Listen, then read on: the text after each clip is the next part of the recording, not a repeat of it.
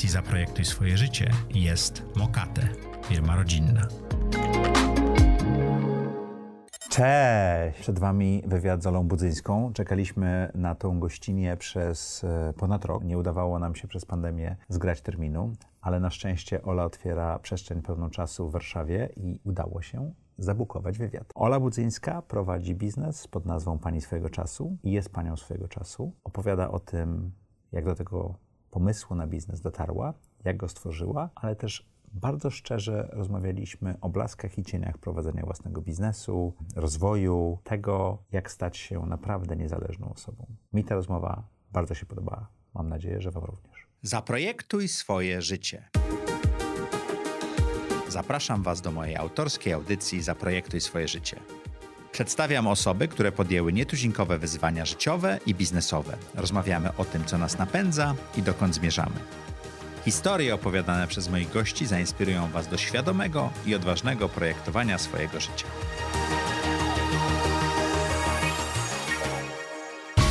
Najważniejszą wartością firmy jest zdrowie pracownika.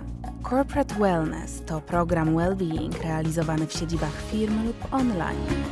Jeśli chcesz zadbać o swoich pracowników, skontaktuj się z nami www.corporatemyślnikwellness.pl Cześć! Witajcie w audycji Zaprojektuj swoje życie. Jak co tydzień w czwartek o czwartej zapraszamy dla Was interesujących gości, zadajemy im trudne pytania, szukamy tego, co ich motywuje i zakrętów życiowych, z których wypadli albo wyszli cało. Jeżeli jesteś tutaj pierwszy raz, koniecznie dajcie nam lajka i napiszcie komentarz. Sztuczna inteligencja to lubi, a my bardzo lubimy sztuczną inteligencję, która zarządza YouTube'em. Jeśli nie byliście jeszcze na zaprojektujswójbiznes.pl, koniecznie tam wejście. Newsletter, specjalne materiały i wiele innych ciekawych rzeczy, w tym społeczność. Zapraszam Was bardzo serdecznie. A dzisiejszym gościem jest nie kto inny, tylko Ola Budzyńska. Dzień dobry. Czyli pani swojego czasu. Olu, ja się strasznie cieszę, że tutaj jesteś. Wzajemnie. Ostatnio się umawialiśmy ponad rok temu. Tak, I, i, i, I, chyba dzień przed Twoim przyjazdem zamknęli hotele i był drugi lockdown. Mhm. Ja bardzo czekałem na ten wywiad. E, I zanim on się zacznie, chciałem Ci bardzo podziękować.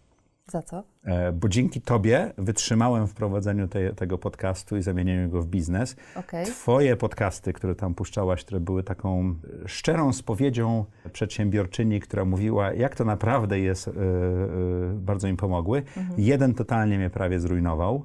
Ten, gdzie mówiłaś, jak wy zatrudniacie i zrobiłaś taką super akcję zatrudniania osób. Aha. Ja próbowałem to powtórzyć. Yy, to była makabra. Pewne rzeczy warto kopiować, pewne nie, ale mhm. no, jesteś dla mnie dużą motywacją. No, dziękuję Ci bardzo. To miłe. No. Zrobiłaś też duży biznes. Tak. No duży to jest pojęcie względne. No to masz duży following i, i, i ciekawy biznes. To opowiedz, jak do tej pory wyglądało projektowanie Twojego życia? To trudne pytanie, ogólne, duże. Jak sobie myślę ogólnie, to co dla mnie najważniejsze w tym y, projektowaniu, i to zawsze się działo, i to się y, mhm. dalej dzieje, to jest takie never ending story, to jest podążanie za tym, co ja bym chciała.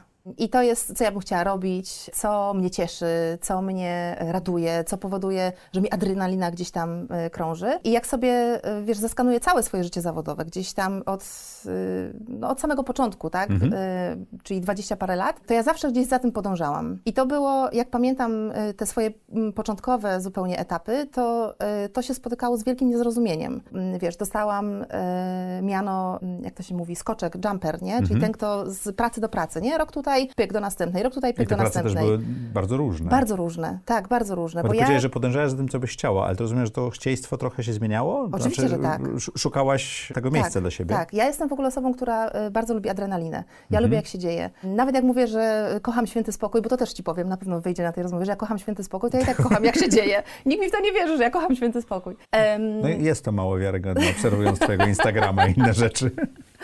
Tak, no i i zawsze mi się wydawało, że życie jest zbyt krótkie i dalej tak myślę, że życie jest zbyt krótkie, żeby robić coś, co mi nie daje radości, mhm. co nie powoduje, że ja wieczorem, wiesz, kładę się spać i myślę, Jezu, to był dobry dzień. Ja jestem zadowolona, jestem szczęśliwa i za każdym razem, jak gdzieś tam w swoim życiu zawodowym, oczywiście na początku mówię o etacie, tak, o, mhm. o tym, że pracowałam gdzieś u kogoś, to jak ja wieczorem odczuwałam coś takiego, że nie, to, to, to, to już nie jest to, no to ja mówiłam, no dobra Budzyńska, no to szukamy czegoś innego, nie? To, to, Chodźmy jak, spróbować to tam. jakie były te prace, te, które cię nauczyły najwięcej, albo te, w których zderzyłaś się ze sobą, że to nie jest to? Albo że to jest to? Ja w ogóle nie, nie wierzę w coś takiego, że jest jakaś praca, która daje mi więcej, a inna mniej. Ja uważam, że w każdej pracy możemy się czegoś nauczyć, jeśli chcemy. Nie? Jak na przykład pamiętam mm, pracę w obsłudze klienta. Ja pracowałam najpierw na recepcji, a potem byłam kierowniczką zmiany mm, recepcji. Matko, jak to nie była praca dla mnie. Ja w obsłudze klienta to jest, wiesz, ja praktycznie jedną z pierwszych osób, które zatrudniłam u siebie, to są osoby do obsługi klienta. Dlaczego? Żebyś ty nie musiała obsługiwać. Żebym ja nie musiała obsługiwać, a jednocześnie zachować tak absurdalnie wysoki poziom, wiesz, standardu obsługi klientek, y, bo ja doskonale wiem, że to jest ważne. Ja od, od zawsze byłam tego uczona, e, od zawsze też pracowałam z klientkami, a jednocześnie ja jestem zbyt niecierpliwa, żeby to robić, nie? Mamy w ogóle jest takie... szansa, że powiesz, co myślisz. E, Tak, dokładnie, dokładnie. W ogóle wiesz, jest, y, w firmie jest y, oczywiste, że jak przychodzi nowa osoba, nie wiem, na przykład Instagramem się zajmuje, tak, w, w naszej firmie, no to ona dostaje taki instruktaż, że słuchaj, jest jakaś trudna sytuacja i y, jest pytanie od klientki, co zrobić, to nie słuchać mnie, w sensie nie powtarzać tego, co ja powiem, bo ja jestem w gorącej wodzie kąpana, a ja tam od razu powiem i potem wchodzi obsługa klienta i mówi, proszę napisać to, to i to, nie słuchamy Oli, nie słuchamy Oli. ja jestem do tego przyzwyczajona. Czyli nie było takiej pracy, która mocno cię zmieniła na początku swojej drogi? Każda mnie zmieniała. Każda mnie Bycie zmieniała, każda coś odkrywała. Tak, każda, y, każda była na swój sposób ciężka, y, każda pokazywała, y, to jest chyba ważne, że, że no właśnie, to nie jest tak, że wiesz, wskakujesz do jakiejś pracy i to już jest to, i tam jest ta trawa bardziej zielona, i tam już jest, wiesz, miodzio. Nie. Każdej jest tak, że w każdej jest jakaś y, rzeczywistość. Myślę, że dwie prace były takie najbardziej znaczące pod tym względem, że mm, jak byłam stewardessą i latałam po całym świecie, Mhm. a ja byłam, wiesz, dziewczyną z y, małego miasta, nieśmiałą, taką, że... Czyli to ci otworzyło Boże, świat. Tak, to to mi pokazało, pokazało świat. Z wszystkimi ograniczeniami bycia stewardessą, tak? Tak, tak, oczywiście, których jest cała masa, Mhm. których ludzie nie zauważają, a jest, jest ich cała masa. Ale to mi pokazało, że y, ten wielki świat, którym, wiesz, ja wtedy byłam tam studentką na trzecim roku, czy coś takiego, i ten wielki świat, który mi się wydawał taki, o Boże, hotele pięciogwiazdkowe, tak, w Abu Dhabi, czy tam w Dubaju na przykład, nie? Jak y, ludzie tam kilka lat temu się zachwycali Dubajem, no to ja tam w Dubaju byłam wiele lat temu i pokazało mi to, że no okej, jest to blichr, jest to splendor, ale to jest takie samo miejsce jak każde inne, nie? Pod tym, Mhm. Trochę pod tym cieplej względem. w listopadzie i w grudniu. Tak, i można się kąpać i plażować, to, jak, to jak najbardziej. Więc jakby ta praca mi pokazała, że świat, nawet ten najwyżej, ten, który czasem nam się wydaje taki niedostępny i że gdzie ja tam maluczka do niego mogę dosięgnąć, on, on jest zwyczajnym światem, naprawdę. Natomiast e, druga e, taka znacząca praca to, e, gdy byłam trenerką umiejętności miękkich i szkoliłam e, właśnie z tych umiejętności miękkich w korporacjach, bardzo tą pracę lubiłam, dlatego że teoretycznie szkoliłam ciągle z tych samych tematów, natomiast cały czas szkoliłam innych ludzi i inne branże. I uczyłaś się przy okazji, prawda? Tak, tak, uczyłam się, ale dając wiedzę również ją pozyskiwałaś. tak, to jest transakcja wiązana. Natomiast to, co mnie fascynowało i do tej pory mnie fascynuje, ja bardzo lubię poznawać biznes od środka. A to ci dawało tą szansę. Tak. Oczywiście, że wiadomo, że jak szkoliłam, wiesz, wielki bank, no to umówmy się, no gdzie ja poznałam biznes od środka, nie? Ale mogłam porozmawiać z tymi ludźmi. Cudowne było poznawanie różnych perspektyw, bo na przykład szkoliłam całą kadrę menedżerską od kierowniczki oddziału do gdzieś tam bardzo wysokiej kadry zarządczej. I poznawanie, wiesz, tych perspektyw, że mm, tutaj ci myślą tak o tych, a ci, no dla mnie to jest fascynujące. Ta sama firma ma różne perspektywy na biznes i na osoby, tak? Tak, różne perspektywy na to, co chcemy osiągnąć, dlaczego to chcemy osiągnąć, kto kogo wykorzystuje i dlaczego. No, niesamowicie ciekawe, ale było też dla mnie bardzo ciekawe y, rozmawianie z menedżerami, wiesz, sklepu spożywczego, ale właśnie banku, poczty, firmy usługowej. No tak, to... to, to... Czy to cię nauczyło podstaw biznesu, czy I nie? tak i nie. I tak i nie. Em, Na pewno miałam taką szeroką perspektywę, natomiast paradoksalnie, to jest największy paradoks e, bardzo wielu trenerów umiejętności miękkich, uczących w biznesie, Że nie potrafią biznes? że nie mają swoich biznesów. Oczywiście, że mają działalność gospodarczą. No, ale to jest forma zatrudnienia, wiadomo, tak? Nie? I oczywiście, że wystawiają faktury temu komuś, kto ich zatrudnia, ale to nie jest takie prowadzenie biznesu, jakie później poznałam. Więc ym, ja tam y, poodkrywałam dużo paradoksów, nie? Na przykład takich, że e, uczyłam zarządzania, ludźmi, nigdy nikim nie zarządzając. Nigdy nie byłaś, no byłaś menedżerką, mówiłaś na początku. No tak, ale to wiesz, no to tam raz, że byłam przez pół roku, Mhm. dwa, tak, dwa, że byłam e, kierowniczką zmiany na recepcji, czyli miałam nad Okej. sobą kierownika recepcji, e, który miał nad sobą kierownika kogoś tam i hotelu i tak dalej, nie? Tak, układałam grafiki i, i tak dalej, ale to... To takie proste rzeczy. Porównując na przykład z tym, co teraz się dzieje w zarządzaniu u mnie w, w firmie, no to, to nawet bym tego nie nazwała To już ile zarządzaniem osób w ludźmi. gangu w tej chwili pracuje? A nie wiem dokładnie, bo nie pamiętam, ale około 55. Bo dosłownie na dniach zatrudniliśmy 11 bodajże osób do przestrzeni Bo pełnej czasu w Warszawie. przestrzeń w Warszawie. Tak. Gdzie ona będzie? Tak, przy rondzie ONZ. Twoja zmiana na własną firmę była spowodowana zewnętrznymi bodźcami, zdrowiem, prawda? Mhm. To nie jest tak, że ty sobie wymyśliłaś, zaplanowałeś, że teraz będziesz prowadziła firmę. Mhm. To znaczy się, mm, wiesz, firmę jako działalność gospodarczą to ja miałam już właśnie przez cały Ale okres trenowania, wiadomo. e, Nie? Firmę, w której nie będziesz musiała biegać po całej Polsce z walizką Tak. i, i, Tak. i szkolić to Tak. w Kłodzku, to w Płocku, tak? Tak, dokładnie. I taka myśl, że coś z tym trzeba zrobić, ona oczywiście dużo wcześniej kiełkowała niż faktycznie powstała moja firma. Bo... Ale kiełkowała i coś dodawało się do tego, jakieś pomysły? Znaczy, bo można być niezadowolonym, Mhm. a można być niezadowolonym i formułować plan. Oczywiście dodawałam. Niewiele osób wie, że zanim powstała Pani swojego czasu, a jak już byłam trenerką umiejętności miękkich, to powstały dwie działalności biznesowe. Mm, Mogę o nich opowiedzieć, bo obydwie O, były proszę. wielkimi niewypałami. Lubimy, Jedna- tak, lubimy takie. Tak, jedna, otóż będąc w ciąży i nie mając jeszcze żadnego doświadczenia w opiece nad dziećmi, zajmowaniu się dziećmi, wymyśliłyśmy z przyjaciółką, która była dokładnie w takiej samej sytuacji, że my będziemy uczyć rodziców e, wychowania dzieci. Byłyśmy, byłyśmy przekonane, że to jest w ogóle fantastyczny pomysł. My, e, nie matki, teraz powiemy, jak to należy wychowywać dzieci. Czyli biznes szkoleniowy przeniesiemy w tej chwili. Tak, chwała Bogu, szybko.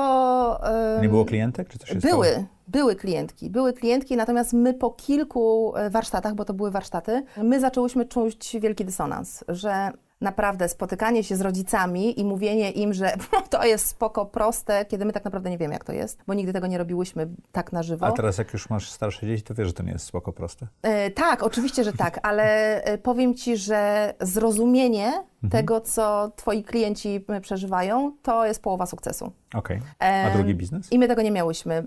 A drugi biznes był związany z agencją guwernantek. Wymyśliłam sobie, że będę robić agencję guwernantek, czyli będę nie nianie, nie opiekunki do dzieci, tylko guwernantki. I to był znowu biznes, który zaczynał się faktycznie fajnie kręcić. Ja miałam klientki, horrendalne pieniądze mi płaciły swoją drogą. Do tej pory to pamiętam, do tej pory nie mogę przeżyć. Za znalezienie guwernantki? Tak, Mhm. No bo to jest trudne. Mm, Tak, to jest, y, to jest trudne, natomiast to był biznes, który się opiera na dzieciach i niejako na zachwycie dziećmi, tak, że dzieci są tam małym cudem i tak dalej, i tak dalej. No, taki mały problem, ja mam sama dwójkę dzieci, kocham je najbardziej y, na świecie, ale ja generalnie to nie lubię dzieci. Nie masz tego zachwytu. Nie mam tego zachwytu w sobie. I to przeszkadzało. To najzwyczajniej w Moja świecie Ania przeszkadzało. słucha, więc nie będę komentował na temat mojego zachwytu dziećmi.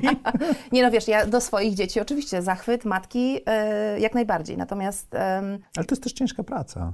Tak, tak, no wiesz, no ja się tym nie zajmowałam, ale wystarczyło to, że przychodziły do mnie mamy z dziećmi i ja musiałam wykazać do tych dzieci coś, empatię, tak, jakieś Zachwyt. zabawienie ich i to nie, nie, nie, nie, nie, Budzyńska uciekaj, uciekaj. Czyli ten, ten, przepraszam, ale ten biznes był zbyt personalny, zbyt osobisty? Tak, on wymagał ode mnie takich emocji, których ja nie miałam albo nie chciałam dać. Musiałaby się sztucznie wzbudzać. Tak. Czy, czyli nie byłabyś blisko siebie. Tak, Jak tak. długo prowadziłaś to, ten biznes? Osiem miesięcy?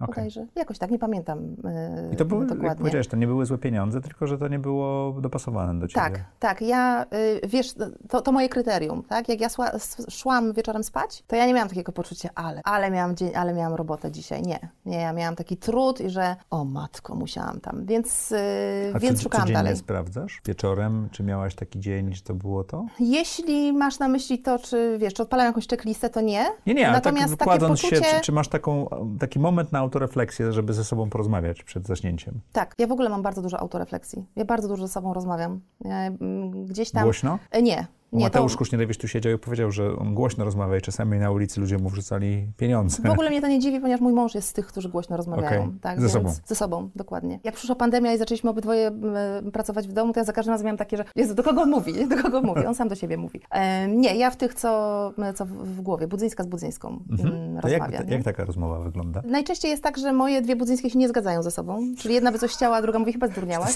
Chyba zdurniałaś. Dokładnie, tak, dokładnie jakby na ramionach, ale y, dla mnie to jest bardzo ważna część mojego rozwoju osobistego, ponieważ większość osób obserwujących mnie teraz absolutnie nie może uwierzyć, że ja byłam osobą cichą, nieśmiałą, niepewną siebie, taką, która się postawi w kącie sama, nie wyjdzie z tego kąta absolutnie.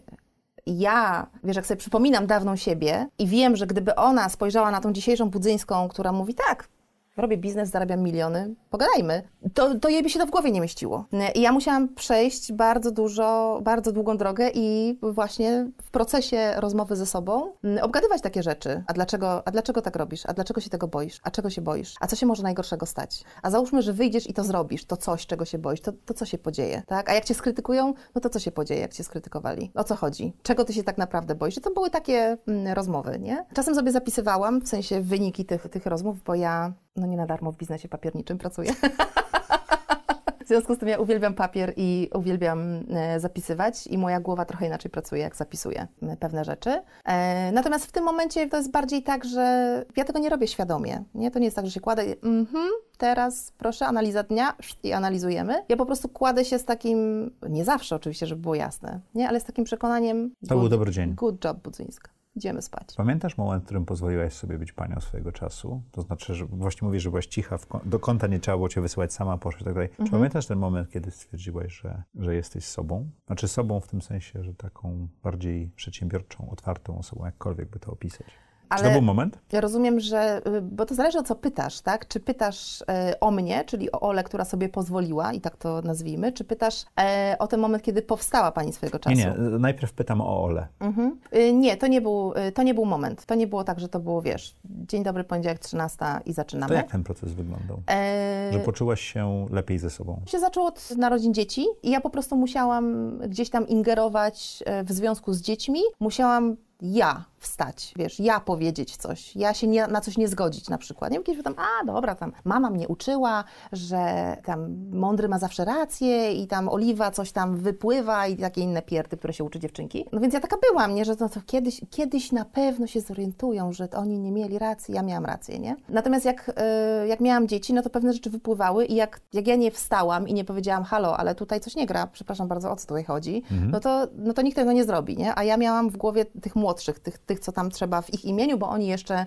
jeszcze nie potrafią. Więc to były takie drobiazgi, typu porozmawiać z panią od, od, z przedszkola, która powiedziała mojemu dziecku, ten rysunek jest brzydki, tak? No i mhm. ja w mhm. tym momencie, no zaraz, no porozmawiajmy, tak? I oczywiście cały wykład o informacji zwrotnej, czym jest informacja zwrotna, czym nie jest informacja zwrotna, jak przekazujemy informację zwrotną, tak? Czym jest komunikat. A to, a to potrafiłaś robić dobrze. Tak, a to potrafiłam robić dobrze, tak. Y, I czym jest komunikat, to jest brzydkie, albo to mi się nie podoba, jaka jest różnica, nie? Więc to były tego typu y, rzeczy. No i im częściej coś takiego robisz... Tym bardziej tym, wierzysz w siebie. Tak, tym bardziej wierzysz w siebie, ale wiesz, dostajesz informację zwrotną, bo osoby takie jak ja kiedyś byłam, one się najbardziej boją tego, że ludzie przestaną ich szanować, przestaną ich lubić, przestaną mieć z nimi jakiekolwiek kontakty, tak, mhm. czy prywatne, czy zawodowe, no bo... Co oni pomyślą? Tak, co oni pomyślą, że jak ty się zaczniesz stawiać, bo tak, tak to postrzegają, że ty się zaczniesz stawiać, to dostaniesz łatkę, że jesteś tam hamka, niegrzeczna i tak dalej. A działając w taki sposób, dostajesz informacje zwrotne, oczywiście nie zawsze i nie od wszystkich, że, że w zasadzie wszystko jest okej, okay, czyli, się nie stało. Czyli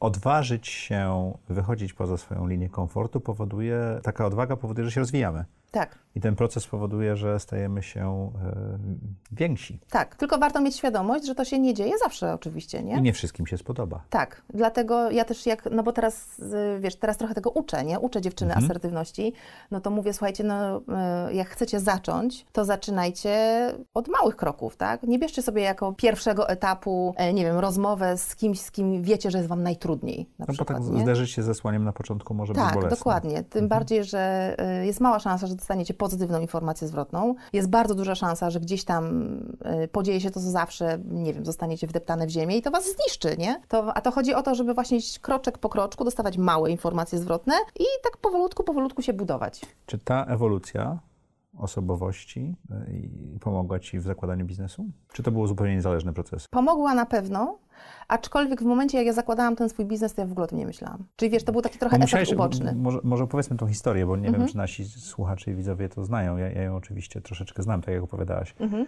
Ty musiałaś zmienić swoje życie z powodu choroby syna. Tak, mhm. tak. Y, u Jaśka, jak miał 5 lat, zdiagnozowano cukrzycę typu 1. Nie będziemy się teraz nad tym rozwijać, mhm. co to za y, choroba, ale warto sobie to sprawdzić. zmienia życie. Ona zmienia życie, wywraca do góry nogami i ona wręcz w niezwykle drakoński sposób porządkuje życie. Tak? Mhm. Teraz już jest oczywiście inaczej, bo technologia poszła do przodu, jeśli chodzi o to wszystko, co związane z chorobą. Natomiast e, na początku, no to jest taka sytuacja, że co trzy godziny dziecko, które ma 5 lat, przypominam, musi e, mierzyć swój poziom cukru. 24 godziny na dobę, 7 dni w tygodniu, non-stop, co trzy godziny. Nie, nie ma czegoś takiego jak przerwa nocna. W nocy też to się musi dziać, bo jak nie, to tam się dzieją procesy, które są zagrożeniem dla życia. Musi mieć stałe godziny posiłków. Te posiłki muszą być zważone i wyliczone. Tam muszą być wyliczone węglowodany, białka, tłuszcze, odpowiednio dopasowane do tego insulina. Więc z rodziny takiej jak mo- każda można powiedzieć, czyli jemy co chcemy, kiedy chcemy, jak jesteśmy głodni, jak mamy ochotę na luzie, stajesz się rodziną, która musi wszystko ważyć, mierzyć, liczyć, przeliczać, nie? A do tego masz swoje życie przecież, tak? Jedno życie Ale zawodowe. twoja kariera stanęła nagle, tak? Stanęła Musiałeś- nagle, dlatego że ja tak powiedziałam. Ta- tak? no, do- ja dokonałaś tego wyboru. Tak, ja powiedziałam, że halo, tu jest tyle zmian, że no ja sobie teraz nie wyobrażam, y, tym bardziej, że mój syn y, wtedy jeszcze leżał w szpitalu, no ja sobie nie wyobrażam, że ja teraz jadę szkolić ludzi, bo to był ten okres, kiedy ja y, byłam trenerką umiejętności miękkich. I ja zadzwoniłam do firmy i powiedziałam, słuchajcie, biorę dwa miesiące urlopu, bezpłatnego oczywiście, no bo działalność gospodarcza. Y, I w ogóle mnie nie interesuje, co się podzieje. Oczywiście tego nie powiedziałam, ale taki był komunikat, że jeśli trzeba zapłacić kary umowne, ja zapłacę kary umowne, natomiast robimy stop klatkę. Robimy stop klatkę, bo my się musimy nauczyć życia na nowo, bo tak naprawdę to, to wyglądało. E, I to było w lipcu. I my faktycznie lipiec i sierpień uczyliśmy się tego życia na nowo. No, wakacje były, tak? Tak, to były wakacje. Jest o tyle to wygodne było, dlatego że mój mąż jest pracownikiem naukowym, więc pracuje na uczelni, no więc on też miał wakacje wtedy, nie? Więc mogliśmy się skupić na tym ogarnianiu od nowa. I ja dokładnie pamiętam, bo to było 23 sierpnia, usiadłam gdzieś nad jakimś planem. Miałam takie wrażenie, że wiesz, wychodzę z siebie i analizuję to, co widzę. A widzę, że tak, z jednej strony kosmiczne umiejętności i wiedza organizacji zarządzania czasem, bo robię to od 10 lat. W biznesie i teoretyczne. W biznesie tak i teoretyczne, ale wiesz, szkole korporacje z tego, nie? Więc wszystkie techniki, metody po prostu tak. Z drugiej strony robię to w życiu. Wiesz, jestem mamą, ogarniam naprawdę niespotykanym poziomie y, organizacji. I to są bardzo praktyczne te rzeczy. Tak. I mi w tym momencie wyszło, że ja pierdzielę. Ja jestem panią swojego czasu. I w tym Ta, momencie... ta nazwa do ciebie wtedy tak, doszła? ja sobie dokładnie to pomyślałam. Ja Okej. jestem panią swojego czasu. Pamiętasz ten moment? Pamiętam ten moment. Ja Mhm. pamiętam miejsce, w którym ja siedziałam. I słuchaj, w tym momencie ja miałam takie wrażenie, jakby, wiesz, takie puzzle, no tak. I ja powiedziałam, okej, ja będę uczyć kobiety zarządzania czasem i organizacji. E, ja tego dnia założyłam stronę internetową, tego dnia założyłam e, newsletter. Sama napisałeś stronę? Tak, Mhm. umiałam ob- obsługiwać WordPressa, nauczyłam się mm, y, wcześniej i zaczęłam działać. I zaczęłaś od newslettera. Tak. Ja Mhm. już doskonale wiedziałam, że newsletter. A skąd ta wiedza przyszła, że doskonale wiedziałaś? Byłam trenerką umiejętności miękkich, ale wiedziałam, że.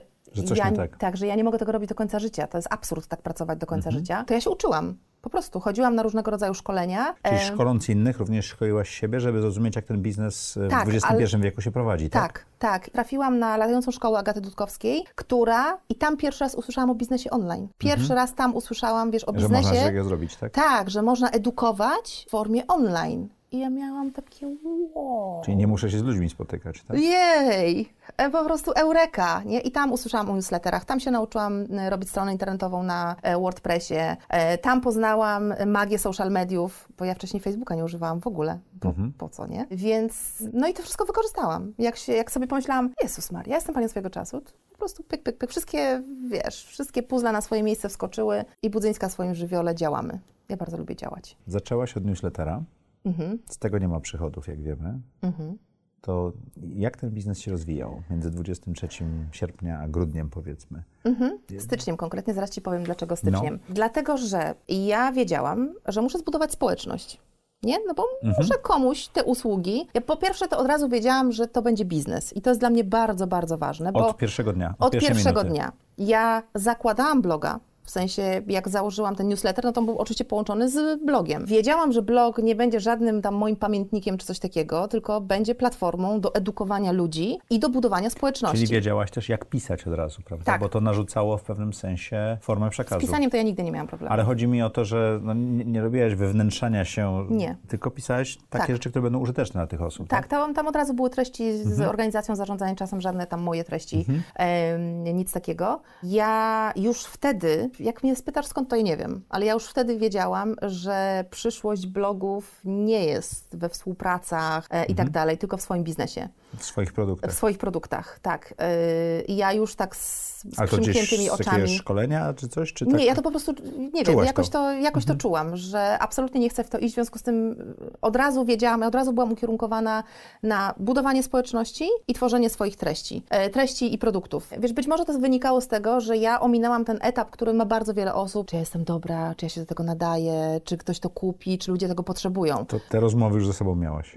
Y, Ze sobą miałam, ale wiesz, ja miałam też doświadczenie, nie? Ja 10 lat y, szkoliłam, więc ja doskonale wiedziałam, że ludzie tego potrzebują. Co więcej, y, w prywatnych rozmowach z tymi moimi osobami, które siedziały y, na szkoleniach, ja poruszałam takie tematy, których na szkoleniu z nimi nie mogłam poruszyć, no bo płaci im korporacja, tak? Jak się zorganizować w robocie. A tutaj mnie kobiety pytały, no dobra, ale ja przychodzę do domu i co? Nie? Ja to z nimi poruszałam gdzieś tam na boku. tak? Dokładnie. Więc ja wiedziałam, że to jest zapotrzebowanie niesamowite, a z drugiej strony ja wiedziałam, że ja to umiem, potrafię i mam kompetencje No i tego. sprawdziłaś to u siebie w domu też. Więc wiedziałam, że będą produkty. Natomiast problem polegał na tym, że chociaż okej, wiedziałam, że to w online leży przyszłość, no to ja nie mam pojęcia, jak to zrobić. I co to jest do końca online, nie? Bo to też I trzeba do, co, dojść. się, co się w ogóle z tym robi? Więc ja stwierdziłam, że bezpieczniej, e, bo było dla mnie oczywiste, że ja muszę zacząć szyb, szybko zarabiać. To była potrzeba.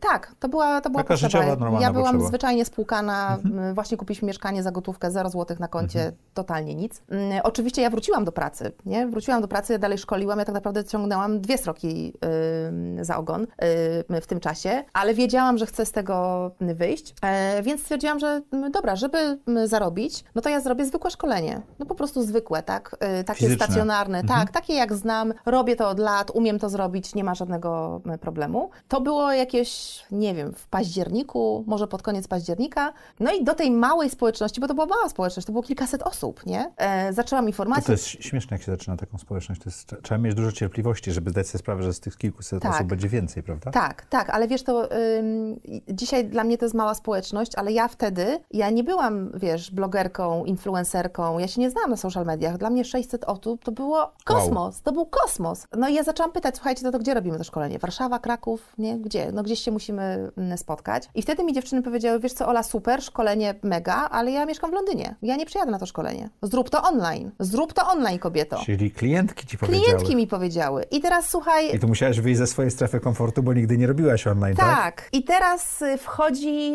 y, na scenę Michał Szafrański, którego wiem, że miałeś tutaj em, e, jako gościa. Michał w międzyczasie zrobił kurs online o budżecie domowym. A ponieważ ja słuchałam Michała, e, bo finanse mnie jako tako nie interesują, ale ta przedsiębiorczość mnie zawsze interesowała, no więc odsłuchałam dokładnie tego podcastu, bo on oczywiście zrobił podcast case study o tym. I tam był człowiek, który mu pomagał robić ten kurs online. No to ja niewiele myśląc napisałam e, i znalazłam e, kogoś, kto mnie po prostu przeprowadził przez te wszystkie technikalia, jak to się dzieje. Bo to nie jest takie trudne, tylko trzeba kogoś na To początku nie jest mieć. trudne, tak, to nie jest y, trudne, tylko właśnie jest ktoś, kto ci y, mówi co i jak. W ten sposób w styczniu sprzedałam swój pierwszy kurs y, online. Pamiętasz, Czyli- ile osób było w tym kursie? Chyba 280. Pamiętasz, ile zarobiłeś na tym? Około 18 tysięcy przychodu miałam Czy to wtedy było z dużo tego. pieniędzy wtedy dla Ciebie? Bardzo dużo, w bardzo dużo. porównaniu z pensją, czy tam z, z Yy, zarobkami trenerskimi? Wiesz co, ja wtedy wystawiałam faktury mniej więcej na 10 tysięcy złotych. Czyli to były prawie dwa miesiące. Tak, więc to Za było tydzień dwa pracy? tygodnie. Dwa ty, nie, pracy było więcej, no bo wiesz, ja nagrywałam i tak dalej. Jak sobie przypomnę, Mhm. jak nagrywałam, to to w ogóle...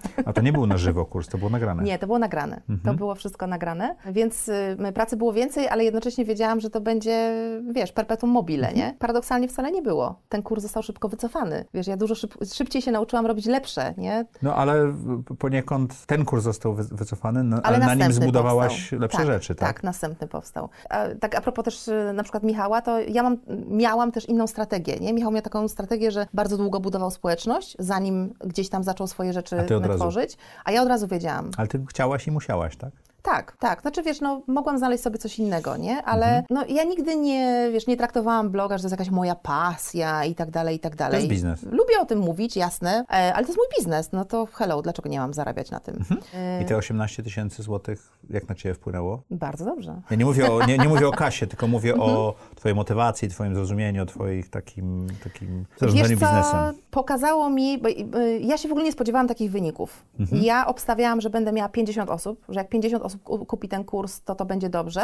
I to były realne, realne szacunki. W sensie y, tyle osób powinno to kupić. Dlaczego kupiło więcej, ja do tej pory nie wiem. Mm, w każdym razie y, to, co mi to pokazało, to to, że to jest droga i trzeba jakby iść dalej, nie? Trzeba mhm. dalej to y, eksplorować, ale miałam też jakby inny bonus y, z tego płynący, ponieważ ja dopiero wtedy, w styczniu, jak zarobiłam te pieniądze, y, to dowiedziałam się, że y, osoby, z którymi wcześniej pracowałam, jako ta trenerka umiejętności miękkich, one kompletnie nie wierzyły, że wie, że ten mój biznes wypali. Bo ja jestem taką osobą, która lubi być fair i ja mówię, tak, ja bardzo szybko powiedziałam, słuchajcie, ja buduję swój biznes i mój, mój plan jest taki, że... Jeszcze będę szkoliła, ale to będzie coraz mniej, tak? Tak, będę szkoliła, ale to będzie tak, że mój biznes będzie tutaj rósł, a szkolenia będę wygaszać. I wtedy tego nie wiedziałam. I te firmy szkoleniowe, rozumiem, tak nie wierzyły w to? Absolutnie. Znaczy ja zostałam wyśmiana, tylko że za plecami, dlatego ja o tym nie wiedziałam. A w twarz ci nikt nie powiedział? Nie, nie, w twarz no mi to nie nikt, fajnie. nikt nie powiedział. Nie fajnie. I dopiero jak y, zarobiłam te 18 tysięcy złotych, wszyscy wiedzieli, że mam kurs i ktoś mnie tam spytał takie, no, no to jak ci tam ta sprzedaż idzie, nie? Bo w ogóle nie było, dla nich było nie do pomyślenia, że można się dzielić wiedzą. Za Mhm. darmo? My prowadzimy szkolenia za pieniądze, za darmo się dzielić wiedzą, jakiś absurd. I dopiero jak zapytałem, to jak tam ci ta sprzedaż idzie? Mówię, na 18 tysięcy zrobiłam w dwa tygodnie. I tam było mocne zdziwienie, że o kurczę, nie, to, to jednak coś. Mm, No a mi to dało informację zwrotną, tak jak mówię, Że krok do kroku, tak, że jest, y, że jest ok i że idziemy w tym kierunku. I tak się zaczęło, bo później był kolejny kurs online, y, a później kolejny kurs online, bo ja na początku kursami online y, Żyłeś. żyłam. To kiedy postanowiłeś, że wejdziesz w biznes papierniczy? 2000, chyba w 2017 książka Czyli dwa lata wydałam. później. Nie pamiętam nawet dokładnie. Mhm. E, najpierw był planer, mm, no bo było oczywiste, hej, uczę planowania, no to zróbmy, mieć planer. warto mieć planer, który, pierwsza edycja planera to totalny nie wypał. Totalny, nic A na tym nie zarobiłam. klientki wybaczyły? A czy nie wypał w sensie jakości produktu, czy w sensie nie, biznesowym? e, w sensie biznesowym, A, okej. tak. Nie, klientki m, bardzo mi się podobało, wiesz, ja teraz do tej pory mam e, jeszcze kilka egzemplarzy. Jezu, za jakie pieniądze by to teraz poszło. W Mhm. ogóle to jest taki egzemplarz archiwalny e, i go mamy. E, On miał bardzo, bardzo dobrą jakość, natomiast nie wypał. Ja nic nie wiedziałam o biznesie, ja nic nie wiedziałam o marżach, o, o, o druku, o produkcji. To jest to, co mówiłeś, że e, szkoleniowcy niekoniecznie są e, Tak, biznesmenami, tak? Że tak. nie, nie potrafią Tak. e, tym zarządzać, tak? E, ja chciałam mieć produkt, który będzie takim, wiesz, proszę, proszę, to mój. Mm, I tak naprawdę wszystko, co związane z produkcją tego produktu, ja oddałam komuś. I to była fatalna współpraca. Fatalna, no taka, że o A fatalna finansowo, fatalna... każda. Pod Okej. każdym możliwym względem. Wiesz, nie, nie umiałyśmy się dogadać, jak to ma wyglądać, nie umiałyśmy się dogadać o terminy, o wynagrodzenie. Ja dosłownie chyba zarabiałam półtorej złotego na jednej sztuce tego planera. Okej. Jak ja się na to zgodziłam, to ja nie wiem.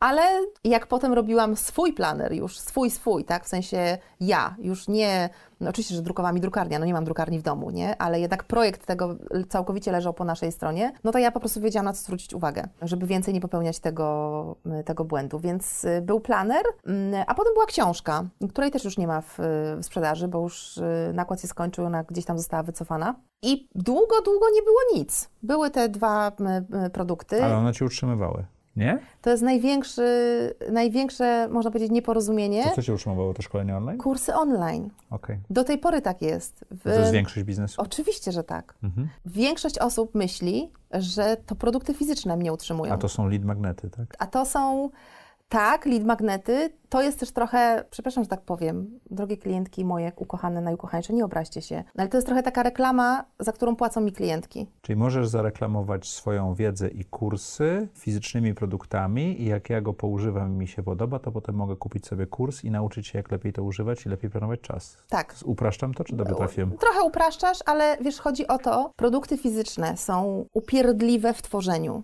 Mhm. Ilość, nakład pracy jest Do, dużo do większy. Marży jest Dużo większy, tak. Marża jest dużo niższa. Cały, wiesz, łańcuch osób zaangażowanych, nie? Łańcuch produkcji, mm, drukarnia, tasiemki, introligatornia, kleje. Pandemia to pięknie pokazała, nie? Wystarczy, że dostawca kleju się wysypie i sypie ci się Mhm. Cała- mm, cała linia. m, produkt, nie? Nie ma tasiemek, kryzys, nie ma tasiemek i, i nie masz tego mm, produktu. Więc jakby poziom upierdliwości jest niesamowicie wysoki, a zyskowność nie jest niesamowicie niska, no ale nie jest taka jak przy produktach elektronicznych, nie?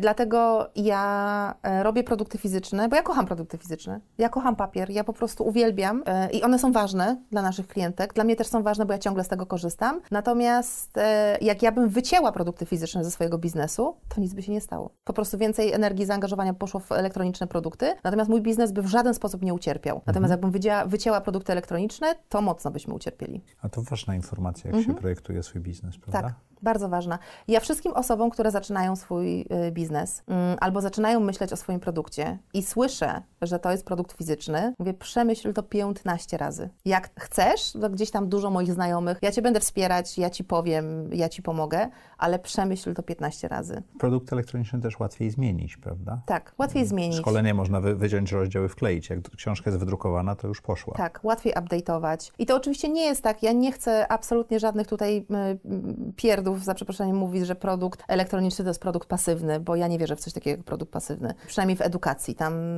zawsze musi się dziać coś, żeby, y, żeby ta sprzedaż była. Natomiast no, produkt elektroniczny nie zalega w magazynach, nie? On może stracić na aktualności, oczywiście, że tak, ale jest go dużo łatwiej zupdate'ować. Produktu fizycznego nie da się zupdate'ować, tak? Mogę go tylko wyprzedać. Y, Kalendarz na 2019 rok nie sprzedałby się dzisiaj specjalnie. No raczej nie. Byłoby ciężko. Byłoby ciężko. Trzeba by niezły mu storytelling zrobić, żeby to sprzedać. No chyba, że ten twój pierwszy planer, tak? Po latach. Tak, ale on nie, on nie miał dat, więc Aha, to, to by to się jest, dało. On jest... by dalej mógł być, tak, w użyciu spokojnie. W użyciu. Mhm. Powiedziałaś, że nie zarządzałaś ludźmi. Mhm.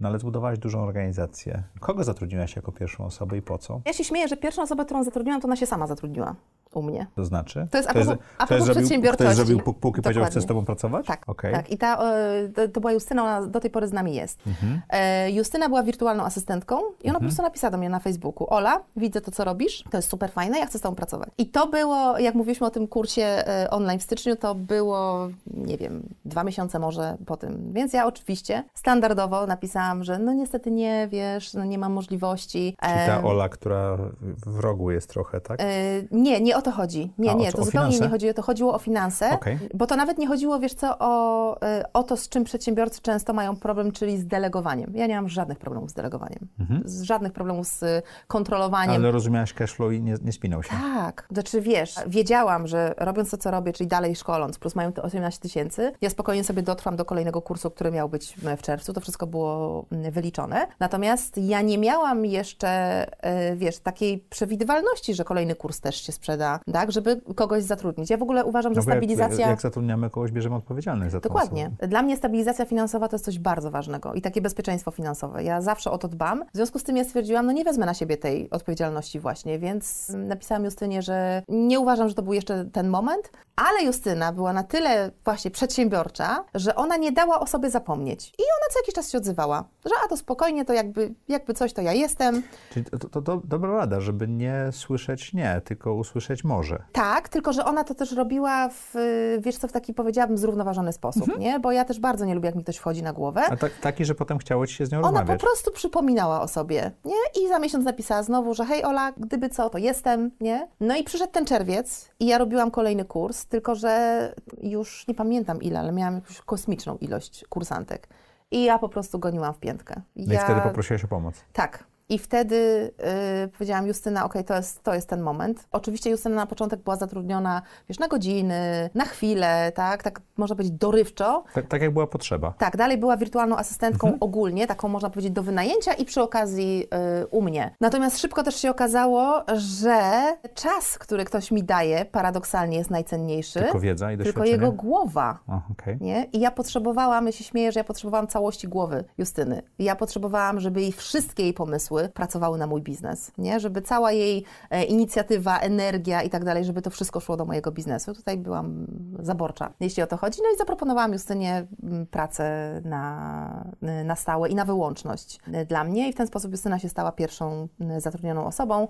A drugą zatrudnioną osobą była Joanna, która też jest ze mną do tej pory. Joanna jest szefową. Mój syn zawsze jak to słyszy mówi, mamo, ale Masz w końcu szefową, czy nie masz? Bo czasem mówisz, że jesteś szefową, że ty jesteś szefową, a tu jednak, że masz szefową. To się śmieje, że Joanna jest też moją szefową. Czyli taki project manager dla firmy? E, w, tak, wtedy była project managerem, teraz a to jest... urosło do zarządzania Tak, teraz jest po prostu zarządzającą osobą w mhm. firmie jako taką. Natomiast została zatrudniona jako project managerka. Ja I byłam... też sama się zgłosiła? Czy szukałaś? Nie, tam to była rekrutacja. Mhm. To była pierwsza z tych takich rozpisanych rekrutacji, tych takich full wypas, milion etapowych z zadaniem praktycznych, te, o których mówiłeś. I Joanna została zatrudniona dlatego, że ja zaczynałam dostawać rozdwojenia jaźni. To znaczy, z jednej strony ja dalej byłam twarzą w biznesie i osobą generującą treści, to ja pisałam bloga, to ja pisałam artykuły, to ja pisałam Facebooka. A jednocześnie zarządzałaś tym. Tak, ja pisałam Instagrama, ja tworzyłam kursy, ja robiłam webinary, a jednocześnie tym zarządzałam, nie? A to jest trudne. Bardzo trudne. Ja mam teraz taki moment, że, że przesiąść się z jednego stołka na drugi jest bolesne. Bardzo trudne. I wiesz co, nawet nie chodzi mi o przesiadanie się, tylko ja jestem taką osobą, która lubi albo z lotu ptaka, albo tu, wiesz. Mhm. Ja nie lubię się przełączać między tym nie sprawia mi to przyjemności, a w mojej perspektywie właśnie dobra project managerka to jest taka, która, wiesz, jestem master of puppets, nie? czyli te wszystkie sznurki yy, trzyma, ale jak trzeba, to potrafi zanurkować yy, tam i zobaczyć, co się dzieje, wyprostować i wraca na zarządzanie tymi, yy, tymi sznurkami. No i właśnie Asia była taką osobą i zaczęła projektowo ogarniać, co mi dało taki spokój do tworzenia a potem się podziało mnóstwo innych rzeczy i, i znowu jest inaczej, to się za każdym razem zmienia. O tej stabilizacji finansowej chciałem porozmawiać. Mhm. Powiedziałeś, że lubisz tą sta stabilizację finansową. Tak. Prowadzenie tak. własnego biznesu y, na początku nie daje tego, bo nie daje tej pewności. Kiedy poczułaś, że masz już stabilizację finansową związaną z biznesem? Zawsze ją miałam. Okej. Okay. Prowadzący, prowadzący próbuje zadać podchwytliwe pytania i bum! Skonfudował. skonfudował się. Już Ci powiem dlaczego. Dlatego, że ja mówiąc sobie, Jezus Maria, jestem panią swojego czasu. Ja nie powiedziałam, a to wpis dorzucam mm, tym, co robiłam. Nie. Teraz musimy na Apple napisać explicit, ale dobrze, jedziemy, nie wycinamy.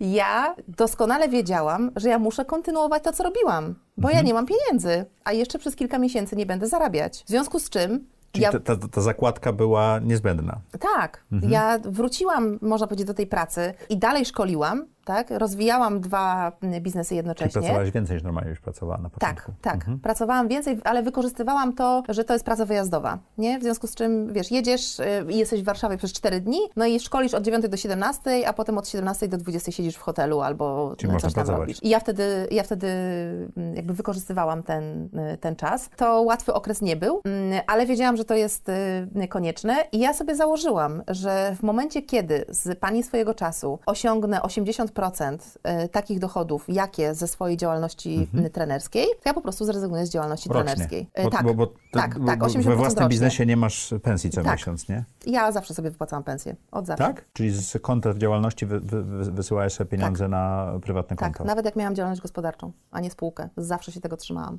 Okej, okay. czemu? Bo stabilizacja finansowa jest dla mnie bardzo ważna. I... Czyli y, twoje, przepraszam, y, próbuję dojść, twoje finanse osobiste są zawsze, nawet jak miałaś jednoosobową działalność gospodarczą, były oddzielne od finansów tak. firmowych. Tak. Dostawałaś pensję, tak. a, a zdarzyło ci się, że nie starczyło na pensję? Nie. Ja nie umiem w biznes, mi zawsze nie starcza.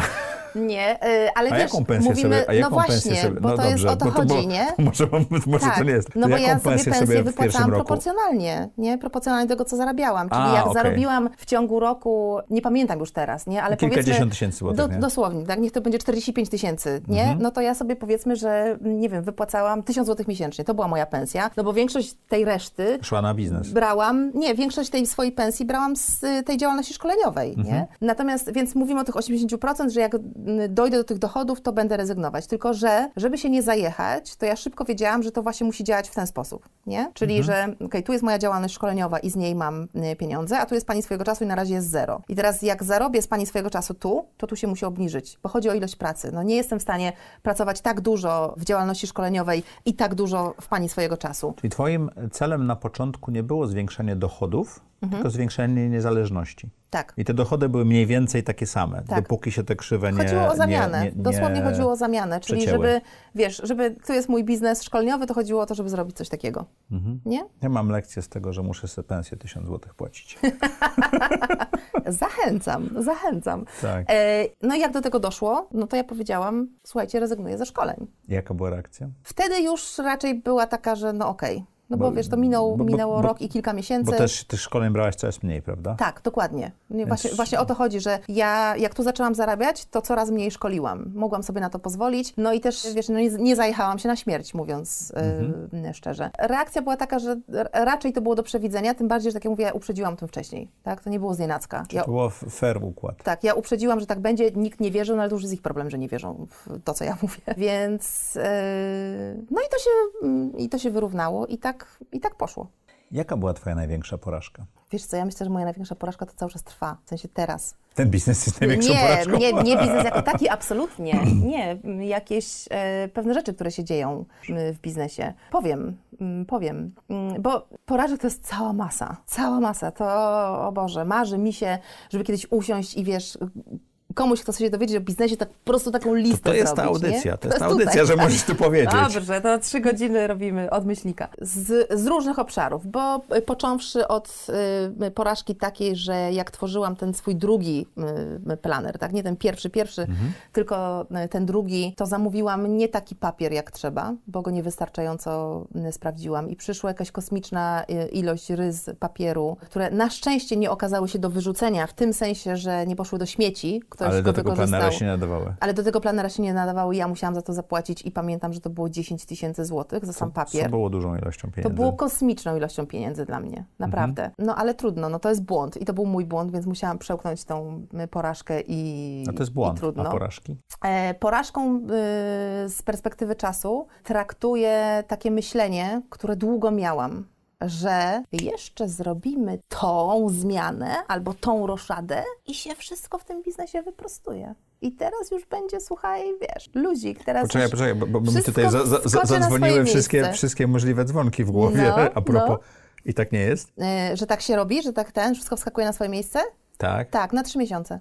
Aha. A potem biznes rośnie, rynek rośnie, klientki się zmieniają, aplikacje się zmieniają, otoczenie się zmienia i znowu jest burdel i znowu trzeba układać od nowa. A ja Jezu, byłam przekonana... to jest ostatni odcinek audycji. Zamykam. Ja, ja już myślałem, że dojdę do stycznia i będzie lepiej. Powiem Ci, wiele przedsiębiorczyń, z którymi ja e, rozmawiam, ma taką nadzieję. I ja uważam, że się, ja się za długo trzymałam tej myśli. Ja się za długo trzymałam tej myśli, bo ta myśl, że okej, to jeszcze to poukładam, będzie dobrze, a potem znowu się wszystko rozpierdziela i znowu trzeba układać. Znaczy jest dobrze na trzy miesiące, nie? Tak, jest fajnie. Tak, tak. I ja, myśl, ja zaczęłam myśleć, że okej, to coś jest ze mną nie tak w takim razie. Co, coś jest ze mną nie tak, że wiesz, że to gdzieś ciągle trzeba zmieniać. Na, na szczęście mm, zaczęłam szybko, wiesz, czytać, uczyć się, dowiadywać i usłyszałam, no kochana, tak już będzie. To jest Chcesz robić balansowanie na biznes? beczce, tak? Tak, chcesz robić biznes i chcesz, chcesz go rozwijać i chcesz, żeby on rósł, to się przyzwyczaj.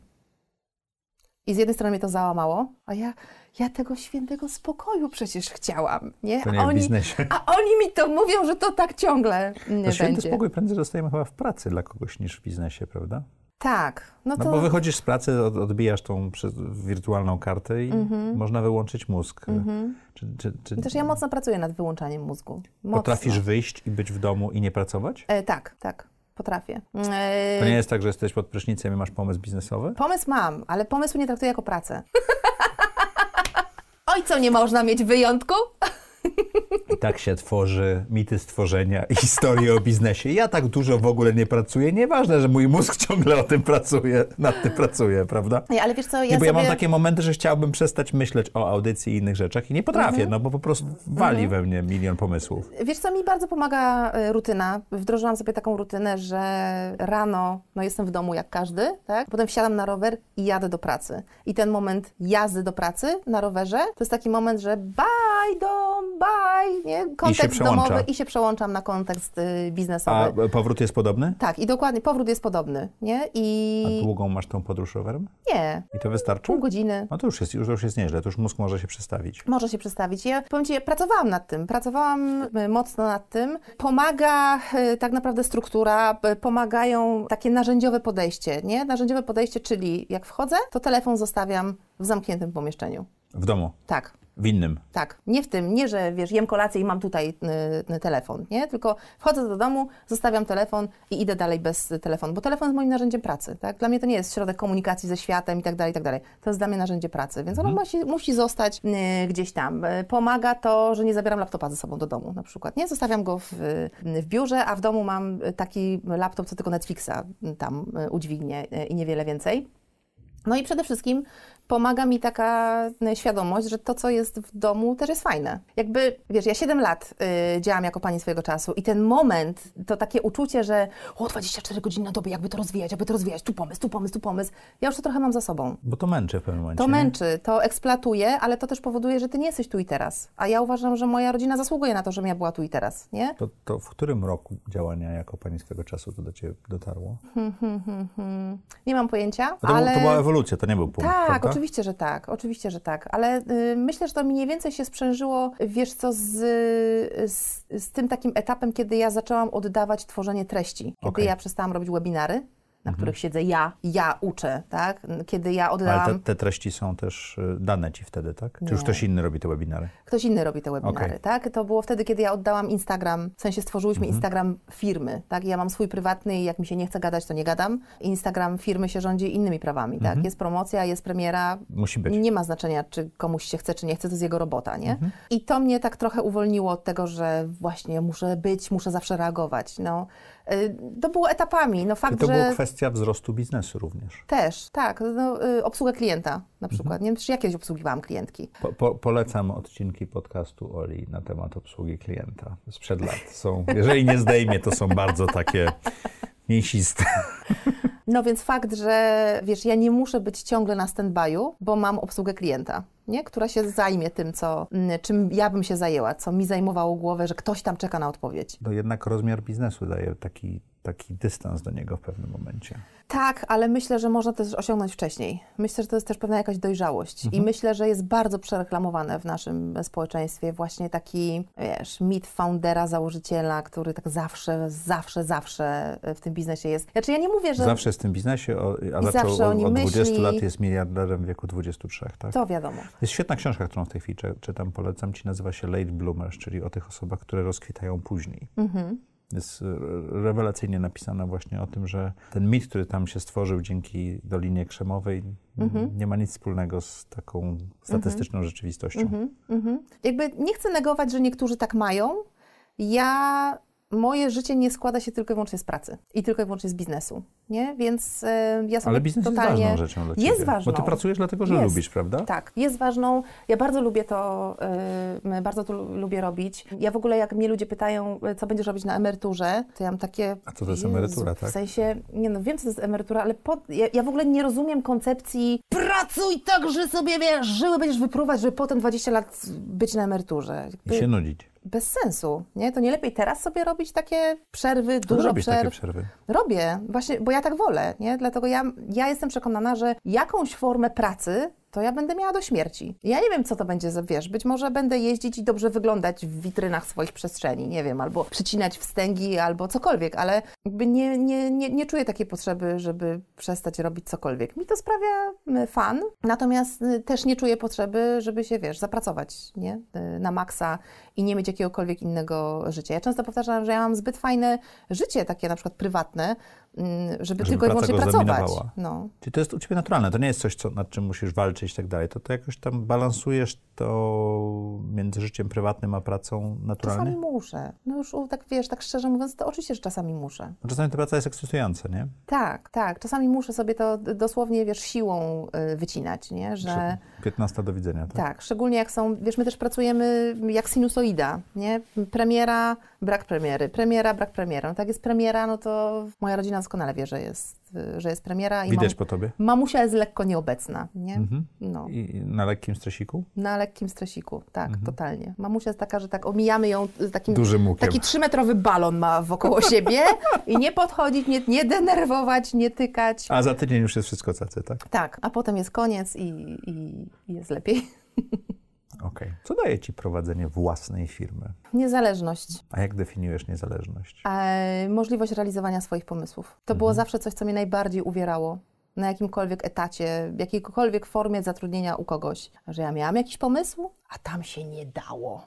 Nie dało się, bo pieniądze, bo zasoby, bo nie ten moment, nie ten klient, nie ta potrzeba, no nieważne jaki powód, tak? Nie dało się y, tego zrealizować. Ja jestem y, bardzo niecierpliwą osobą. Ja uwielbiam jak się dzieje. Jak ja mam pomysł, to ja go chcę zrealizować, po prostu. I własny biznes mi y, to pozwala. A zdarza ci się mieć złe pomysły? Oczywiście, że tak. Oczywiście, I to że nie tak. jest, nie jest żaden problem. Po prostu tak bywa. Tak. Ja nie mam, ja nie mam parcia na dobre pomysły. Mhm. Ja mam parcie na to, żeby realizować i testować te pomysły. Ja lubię, ja lubię często powtarzać też mojemu zespołowi, słuchajcie, jak my tego nie zrobimy, to my się nie przekonamy, tak? Możemy pytać miliona osób, możemy Trzeba czytać spróbować. bardzo mądre książki, ale jak my tego nie sprawdzimy i ten, ten, ten strach przed właśnie sprawdzaniem czegoś jest powszechny. Ja na przykład teraz mam, wiesz, w klubie Państw Swojego Czasu wymyśliłam takie spotkania jak wino z Budzyńską. Czyli, że po prostu spotkamy się na Zoomie z klubowiczkami, Każdy ma swoje winko. tak, każdy ma swoje winko i wszystkie jesteśmy i, i po prostu sobie rozmawiamy, nie? I jest, no ale, ale, a jak będzie bałagan, a jak się nie dogadamy, a jak coś tam, mówię, dziewczyny, być może to nie wypali, ale jak my tego nie sprawdzimy, to my się nie dowiemy. Ja nie jestem w stanie teoretycznie tego opracować. Musimy w to wejść, musimy w to wejść i zobaczyć. Mm, Jak I często masz wino z budzyńską? dopiero zaczynamy, także dopiero w tym tygodniu e, Pierwsze. będzie pierwsze, nie? I ja lubię testować, ja lubię testować, ja, lubię, ja, ja, mojemu zespołowi też y, często powtarzam, słuchajcie, to może nie wypalić, być może my nic na tym nie zarobimy, co więcej, być może stracimy. Ja też lubię rozwijać biznes, lubię mieć na przykład poduszkę finansową i to bezpieczeństwo finansowe, bo to bezpieczeństwo finansowe mi jest potrzebne do szaleństwa i kreatywności. Bo możesz zrobić coś i może nie zadziałać. I Tak. to jest okej. Tak. Bo będziecie stać, że- żeby za ten Tak. pomysł i błąd... Albo mogę wymyślić projekt, który będzie totalną wtopą. Nie tylko na nim nie zarobię, ale jeszcze stracę. I ja muszę mieć bezpieczeństwo finansowe, żeby móc sobie na to pozwolić, żeby móc powiedzieć, no trudno, no straciłam 200 tysięcy i Czy twoja definicja bezpieczeństwa finansowego zmieniła się przez te lata? Bo tu mówiliśmy o 1000 złotych pensji, tutaj mówimy o stracie 200 tysięcy. w sensie kwoty? Masz na... No oczywiście, że tak. Oczywiście, że tak. Nie? No, kiedyś to bezpieczeństwo finansowe to było 400 zł miesięcznie. Trzeba było mieć na koncie. Nie? Teraz Nie wystarczy 400 złotych. Nie wystarczy. Nie, trochę zer trzeba tam dopisać. Myślę ile. Nie, no oczywiście, oczywiście, że się, że się zmieniło. I mm, powiem Ci, że ja nie twierdzę, że to jest dobrze. W sensie rozmawiam z wieloma ciekawe przedsiębiorcami, w sensie mężczyznami.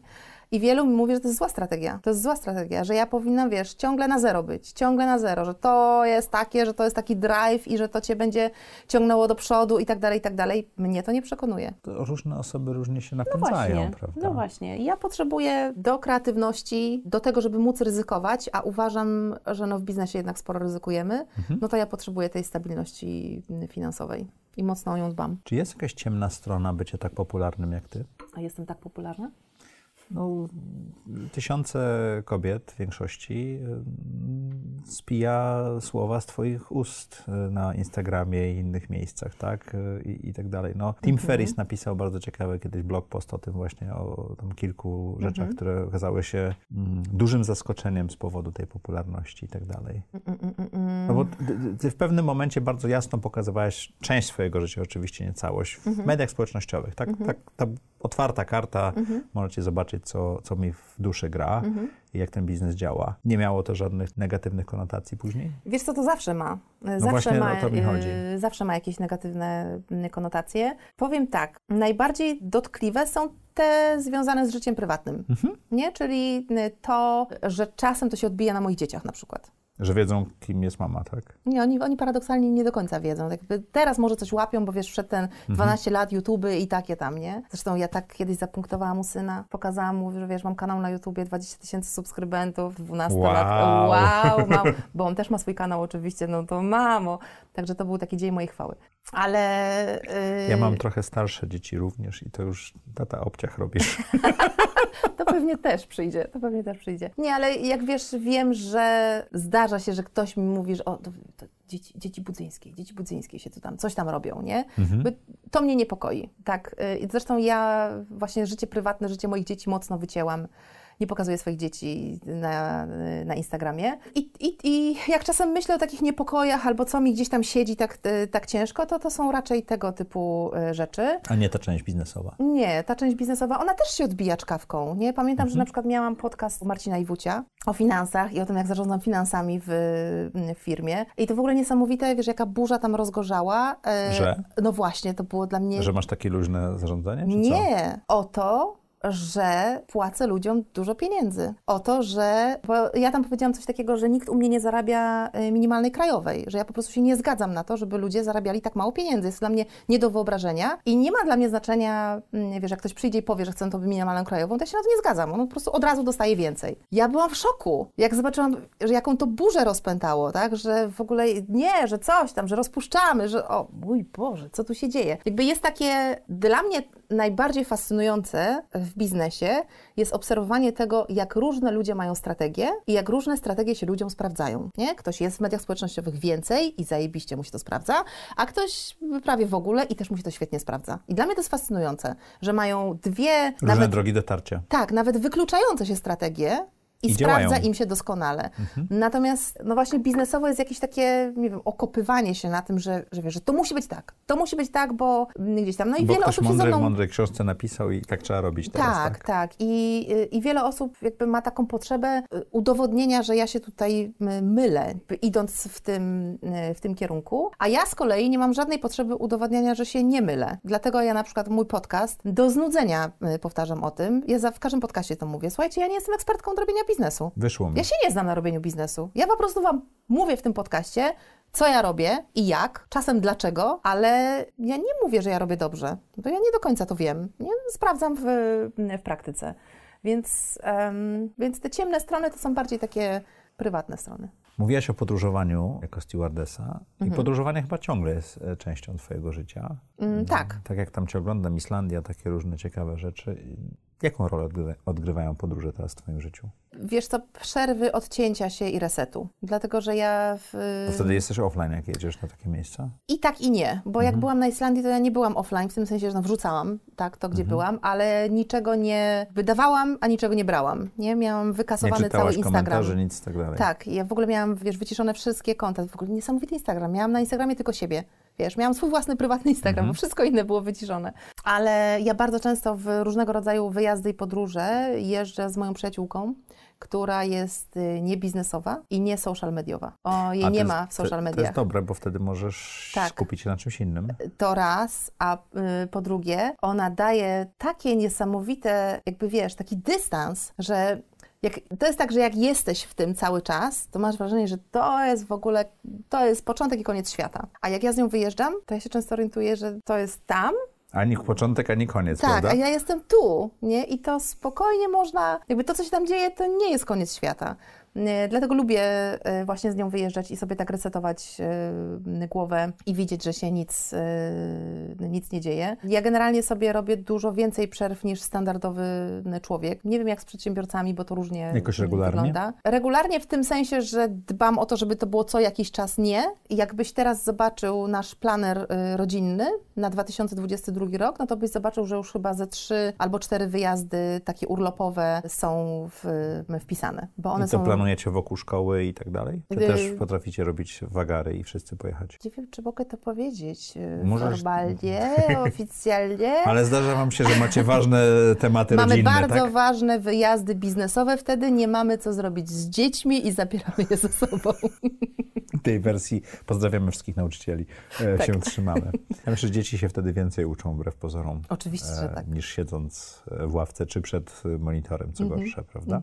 Czy jest jakiś kierunek, którego jeszcze e, nie doświadczyłaś, a masz potrzebę lub chęć? Wiesz co, nie myślę w takiej kategorii. To znaczy się, ja nie mam, nie mam takich. e, Islandia była takim miejscem, że faktycznie zawsze chciałam tam, tam jechać. Nowa Zelandia jest jeszcze takim miejscem, gdzie chciałabym e, pojechać.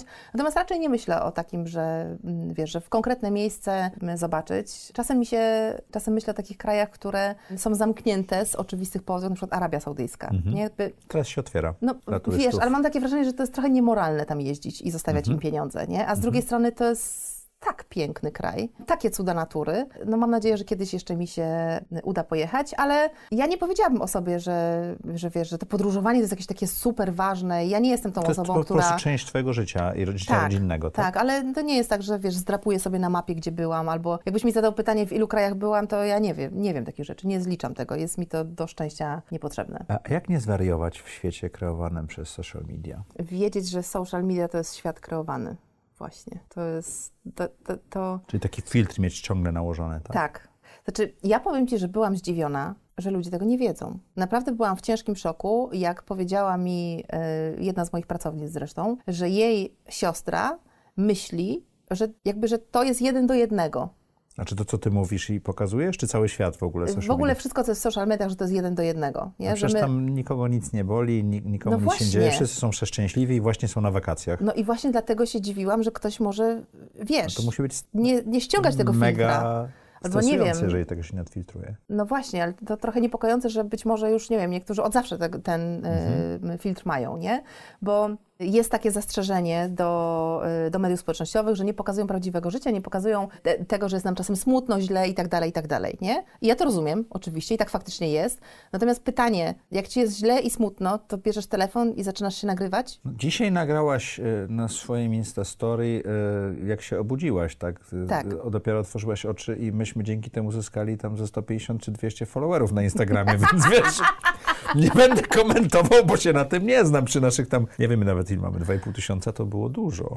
No ja wiem, ale wiesz, chodzi mi o to, że generalnie jak jest nam źle i smutno, To nie no nagrywamy to szukamy tego. jakiegoś pocieszenia, nie? Nie wiem, lody, spacer, przytulenie się do rodziny, a nie e, nagrywanie. No mogę to zrobić raz, drugi czy trzeci, no ale, ale bez przesady. Jakby to nie jest, to nie jest ludzkim odruchem w takiej Mhm. trudnej sytuacji pójść i tam w tych mediach społecznościowych coś, coś robić. Dlatego według mnie warto sobie ciągle przypominać, że to jest filtr. Po prostu to jest, to jest filtr, to jest pewne e, narzędzie i, i, i tyle. No. I ty traktujesz media społecznościowe jako narzędzie dotarcia do twojej społeczności również. Tak, aczkolwiek ja to lubię.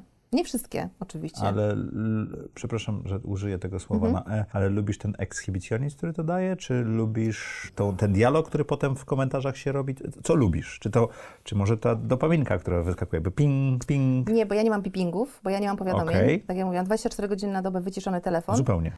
Y, zupełnie. A jak E, twoja rodzina chce się z tobą skontaktować? Dzwoni, no i liczy na to, że się to dzwoni. Okej. Nie mam. Nie, ja mam od zawsze wyciszony telefon, Mhm. a pierwsze, co robię, jak instaluję jakąkolwiek aplikację, to jest wyłączanie. Mhm. powiadomień. I więc, więc tak samo jest z mailami, zresztą my nie pracujemy na mailach. A na czym pracujecie? Na Asaku, na Slanie, Mhm. na Asaku, na Slanie, na Asanie, na Slacku. Tak. Chciałam połączyć. No bo u nas też jest dyskusja właśnie, czy Asanę połączyć ze Slackiem, bo nas to męczy i Mhm. czy możemy używać tylko jednego kanału. No. To tak samo jak u ciebie. No to też do, do, inna, inna dyskusja. Ja ostatnio zorientowałam się, że ja byłabym świetną Madonną. Ja byłabym świetną Madonną, czyli Dla tych, co kimś, słuchają, to próbuję, próbuję Już mieć... tłumaczę, już tłumaczę, spokojnie. Kimś, kto wychodzi na scenę, niekoniecznie potrafi śpiewać jakoś tak, wiesz, niesamowicie, Boże se tam pomóc czymś, ale potrafi zrobić takie show, że wiesz. I Czyli bycie na scenie i robienie show jest Tak. czymś, co daje ci power. Tak, ja to bardzo lubię. Ja to bardzo lubię i ja lubię jakby ten rodzaj ekshibicjonizmu, nie? Że ja staję i jestem. Ja dlatego kocham webinary, ja dlatego kocham live'y, ja w ogóle uwielbiam być na żywo. Ja niekoniecznie lubię, wiesz, nagrania i powtarzanie. Ja po prostu, wiesz, guzik, pyk I masz gadane. i jedziemy. I piórkiem Środek machasz. nocy, druga, I piórkiem machasz. szósta, czymkolwiek, wałkiem, co mam pod ręką, wiesz, śpiewanie, ja, ja to po prostu bardzo lubię, ale jest jedna rzecz, nie nawiązuję z obcymi ludźmi głębokich kontaktów. Ja jestem pod tym względem, To jest takie estradowe bardzo. tak, to jest takie estradowe, nie? Że jestem ja jedna, to, to jest w ogóle taka słabość trochę, nie? To, to nie jest łatwo się tak y, przyznać do tego, że ja jestem tu jedna, a tam jest y, wielu, ale to nie jest tak, że ja, wiesz, zejdę, znam takich ludzi, bardzo ich y, y, kocham i doceniam za to, że, wiesz, zejdą i z każdym potrafią nawiązać kontakt, Ja nie potrafię. Taki indywidualny i pogadajmy i teraz ja, ta druga osoba czuje, że może Ci powiedzieć o wszystkim. Ja nie jestem taką osobą. Ja jestem tą od robienia show, nie? Tą od gdzieś tam zrzucenia jakiejś bomby, czy zrzucenia jakiejś myśli, okej, coś mi się tam gdzieś A mieli. im bardziej podkręcona myśl, tym ciekawszy show. Tak, ale ja nie będę z tobą, y, z tą myślą pracować. Ja też z premedytacją wybrałam sobie taki rodzaj pracy, tak? Ja z premedytacją nie jestem coachem, który pracuje jeden na jeden i głęboko wnika gdzieś tam. Ja nie umiem tego robić, ja się nie czuję dobrze mm, w takich relacjach. I social media są dla mnie tym czymś właśnie, one są tą sceną. Jak często rozmawiasz ze swoim ego? Ono rozmawia ze mną. No to mnie w ogóle nie dziwi. Ale czy to czasami jest dialog? Aczkolwiek ja myślę, że moje ego to ma takie, wiesz, no ma, ono ma dużą scenę. Ono ma dużą scenę u mnie. Jakbyś był w przestrzeni pełnej czasu w Krakowie, to byś to poznał, bo tam wisi chyba z pięć moich portretów. Moich. I, I to jest okej. Ja w ogóle uważam, że skromność jest przereklamowana. E, nie mam z tym problemu. One, wiesz, one też nie są, to nie jest tak, że y, ten portret jest, o, jestem taka ładna, namalucie mi portret, ja go sobie powieszę, nie? Każdy z tych portretów ma jakąś historię. Każdy powstał, nigdy z mojej inicjatywy, tak naprawdę żaden nie powstał z mojej inicjatywy. Tu jest jakiś projekt, tu ktoś chciał się odwdzięczyć, tu ktoś pomyślał, że coś, tu coś innego i one pod tym względem są dla mnie ważne, nie? W Warszawie też będą twoje portrety? Oczywiście, już tam czekają w kącie do powieszenia. Nie wiem gdzie, bo szef warszawskiej przestrzeni nie ma takiego, tak, nie, nie, nie bardzo chce te moje portrety wierzać. Nie żartuję sobie trochę tutaj mm, teraz, ale... Ale żartowanie ze swojego ego dobrą Też formą tak dialogu myślę. z niego. z Też nim. tak myślę. Moje ego jest na pewno Z nim czy z nią? spore, spore, ale wiesz, ja naprawdę długo, ja długo uczyłam się wychodzić z tego kąta, nie? Ja długo uczyłam się właśnie takiego myślenia, że tam siedź, co cię znajdą, nie? A czy sukces ci pomógł? Tak, to jest taka W sensie samospełniająca się samooceny- trochę przepowiednia. Okej. Mhm. Wiesz, ja z jednej strony uczyłam się wychodzić z kąta i robiłam ten pierwszy krok. Była tam właśnie, ja to nazywam informacją zwrotną, nie? Taka informacja zwrotna, to jest ok. W związku z tym ona robiła podbudowanie do tego, okej, to tak można, nie? To nie trzeba w tym kącie siedzieć, można, można wyjść i tak kolejne i to takie ciągłe sprzężenie zwrotne y, działało. Mhm. To tak samo jak próbowałaś na tych wywiadówkach mówić, że coś nie jest brzydkie i dostałaś dobry feedback, to, to, to Tak. kontynuujesz tą Tak. metodę, tak? Tak, tak, dokładnie. Małe kroki. To jest coś, co lubię. A skąd pomysł? No bo ja zrozumiałem pomysł przejścia z produktów elektronicznych na produkty fizyczne, a spo, skąd pomysł z, z wyjścia z y, online'u i takiej sprzedaży wszystkiego w online i wejście najpierw na Kazimierz, a teraz do Warszawy i otwarcie własnego sklepu detalicznego. Ja kiedyś w detalu pracowałem, to, to był jedna z moich pierwszych prac. To strasznie trudny biznes. Mhm, tak. A jeszcze otwierane w czasie pandemii to już w ogóle. Tak, już abstrahując od kwadratu. portretów, które tam trzeba wieszać. Jaki to trud, nie? Tyle portretów robić. Wiesz co, marzyło mi się takie miejsce, do którego będzie można przychodzić. E, Z jednej strony, ja po prostu kocham miejsca, w których jest papier. Wiesz, tak, ja, żeby podotykać po, po, po... ja jestem frikiem papierniczym i ja... Zawsze tak było. Zawsze tak było. Zawsze tak było. Ja uwielbiam oglądać papiery, planery, kalendarze, pisadła. Teraz w ogóle wiesz, ja, ja to mogę wszystko kupować, nie? Wszystko w ramach badania konkurencji. Wszystko kupuję po prostu hurtem. Em, Ja mam ze 3-4 kalendarze co roku, rozumiem cię. to, ja mam dużo więcej. Okej. jakby posiadanie czegoś takiego swojego było dla mnie zawsze takim, że wiesz, no takie, takie miałabym swoje takie miejsce, w którym by to było. I jak ja mówię, że krok po kroku, to moje e, pomysły też ewoluują krok po kroku, bo ja oczywiście, jak zaczęłam szukać e, miejsca na to, no to nie mówiąc nic nikomu, w ogóle nikomu o tym pomyśle nie powiedziałam. Stwierdziłam, że jest tak W szalony, że... Proszę? W domu Ani w domu, ani w pracy, nikomu. Nie, po prostu Czyli zaczęłam taki- szukać taki szalony pomysł w głowie, tak? Tak. I zaczęłam szukać, wiesz, na wynajem. Ja zaczynałam od 9-metrowych pomieszczeń. 9 metrów kwadratowych. Stwierdziłam, że nawet postawię te planerki i zmieszczą się, Mhm. nie? Potem sobie pomyślałam, kurde, ale jakby tak, wiecie, jakby tak klientki mogły przyjść i okej, one sobie oglądają, a jakby tak mogły jeszcze kawę wypić. Ja przecież kocham kawę, nie? Tak usiąść, no i mogłabym, mogłabym sobie wziąć ten planer albo nawet tą książkę, jednocześnie kawę wypić i sobie powertować. Przecież to byłoby idealnie. No to musi być więcej tych metrów, bo wózek z kawą musi się tam zmieścić. Ja sobie pomyślałam, Wózek. wózek z kawą taki, nie? A potem myślę tak, Budzyńska, ale ty masz tak strasznie dużo książek, bo ja uwielbiam czytać książki. Mhm.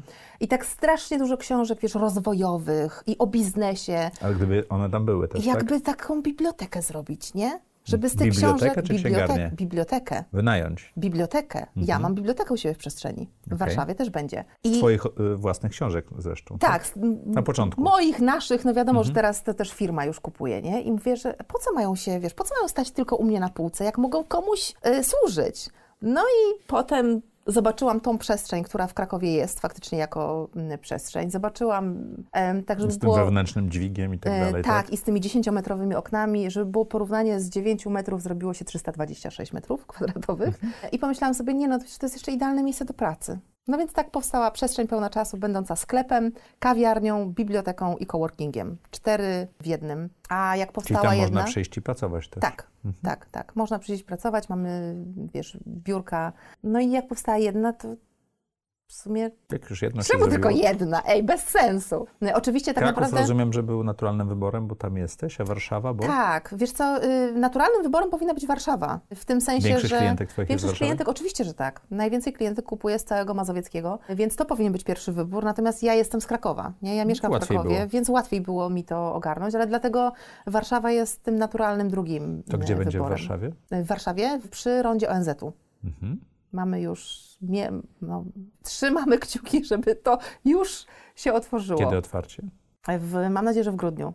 To mam nadzieję, że w okolicy puścimy ten odcinek. Tak, no ja też mam taką nadzieję, ale zobaczymy. To jest bardzo elastyczna sprawa. I też taka duża przestrzeń? Ona jest mniejsza. Ona ma 200 chyba 50 y, Czyli metrów. pewno coworking już się nie zmieści. Zresztą coworków jest dużo w Warszawie. Wiesz co, ale ten coworking jest, to, nie jest taki coworking, Ja że wiesz, można on jest jakiś... siąść, poczytać, tak, pijąc kawę. tak, tak, tak, Więc y, też traktujemy, że to coworking jest. Bardzo się cieszę, że się y, udało wcisnąć bibliotekę też. Ale powiem Ci zabawną historię. Na fali otwierania przestrzeni pełnej czasu w Krakowie, bo oczywiście, że nie miałam zielonego pojęcia, z czym to się wiąże. Czyli ty otworzyłeś e, sklep detaliczny, nie wiedząc, nie wiedząc co to jest sklep No detaliczny, oczywiście, tak? że tak. I kawiarnie. Rozumiem. Ale kasę fiskalną chociaż mieliście. Nie no, oczywiście. My zawsze jesteśmy bardziej papiescy niż papież, natomiast ja Bo w absolutnie internecie nie trzeba mieć kasy nie fiskalnej. wiedziałam, jak to, ile to jest pracy. Absolutnie. To Że zmiany, kosmiczne. obsługa musi Zupełnie być inny biznes, zupełnie Mhm. inne marże, no, no po prostu niesamowicie. i, i dużo stałych kosztów. E, tak, ja wiesz co, ja pamiętam, że jak otwieraliśmy we wrześniu w Krakowie, to ja po prostu przez tydzień nie spałam chyba. Już nawet nie dlatego, że tyle roboty było, tylko ja już z nerwów nie A czy potrafiłam przestrzeń zasnąć. krakowska zarabia na siebie? Tak, Czyli to nie jest biznes, do którego ty dokładasz, Nie, tak jak inne. nie. Że ona jest w stanie siebie utrzymać. Tak, Staw, tak, czynsz, tak, prąd tak, i takie... tak. Oczywiście, wiesz, no, zależy też jak to potraktujemy, nie? No bo to była na tyle duża inwestycja, że jeszcze mamy wrzesień do lutego bodajże y, będziemy tą inwestycję spłacać, nie? Mhm. Więc można powiedzieć, że od lutego jesteśmy na czysto i natomiast A czy absolutnie do nie przestrzeni mogą wejść wszyscy, czy, czy tylko klubowicze? Wszyscy. Okej. Był taki pomysł, żeby tylko ten, ale stwierdziłam, że nie i dobrze, że tak No to jest e, też w takim razie forma rekrutacji dla ciebie, na, dla twoich produktów i tak dalej, tak? Y, tak. Tak jak y, powiedziałeś, że cze- rzeczy pisane, drukowane są, Mhm. ściągają do kursów, tak przestrzeń będzie ściągała do... Tak, i to, się, i to się dzieje. To znaczy wiemy, że często jest tak, że osoby z online'u, można powiedzieć, przechodzą do przestrzeni, tak? ale jest też na odwrót, że osoby z przestrzeni, jakby przychodząc do przestrzeni przy okazji, dowiadują się w ogóle o istnieniu Pani swojego czasu, nie? więc to w, w obie strony działa. Ale właśnie y, zabawna historia jest taka, że z tym, że to się wiązało z taką ilością pracy, ja kompletnie nie byłam tego, y, tego świadoma z taką ilością pieniędzy też, bo otworzenie takiej przestrzeni to... y, Remont, to meble. nie jest naprawdę, to jest Ile to duża kosztowało? ilość kasy. 1,4 miliona złotych. Otwarcie krakowskie. Warszawska będzie ciut tańsza. Bo też ciut mniej metrów, nie? E, tak, tak. E, Czy to są olbrzymie nakłady? Bardzo duże, bardzo duże. Własne inwestowanie oczywiście. Tak, a propos mojej wziąłeś pożyczki na niezależności. Nie. Nie wzięłam pożyczki, nie wzięłam inwestorów, e, no, ale to wiesz, gdzieś tam moje skrzywienia m, takie właśnie Ale związane wtedy z... pieniądz jeszcze był taniej, nie było inflacji, to można było. Ale, ale rozumiem, że wolałaś nie e, lubię pożyczek. bezpieczeństwo. Nie lubię pożyczek. No. Bezpieczeństwo. Tak, tak. Ale powiedziałeś, że musisz spłacać. Rozumiem, że chodzi to o takie bardziej w, Spłacać w tym wekse- sensie, że jest to inwestycja, nie? No, były to, to są moje pieniądze. Więc poprosiłabym, E, żeby te pieniądze tak, kiedyś do mnie wróciły. Tak, tak, dokładnie. Ale jak już stwierdziłam, dobra, otwieram e, Warszawę, bo oczywiście, że przez kilka miesięcy po otwarciu Krakowa wiedziałam, że w życiu żadnej przestrzeni nie otworzę nigdy. Co to był za głupi pomysł, tak? Głupia byłam, budzyńska, ty durna pało.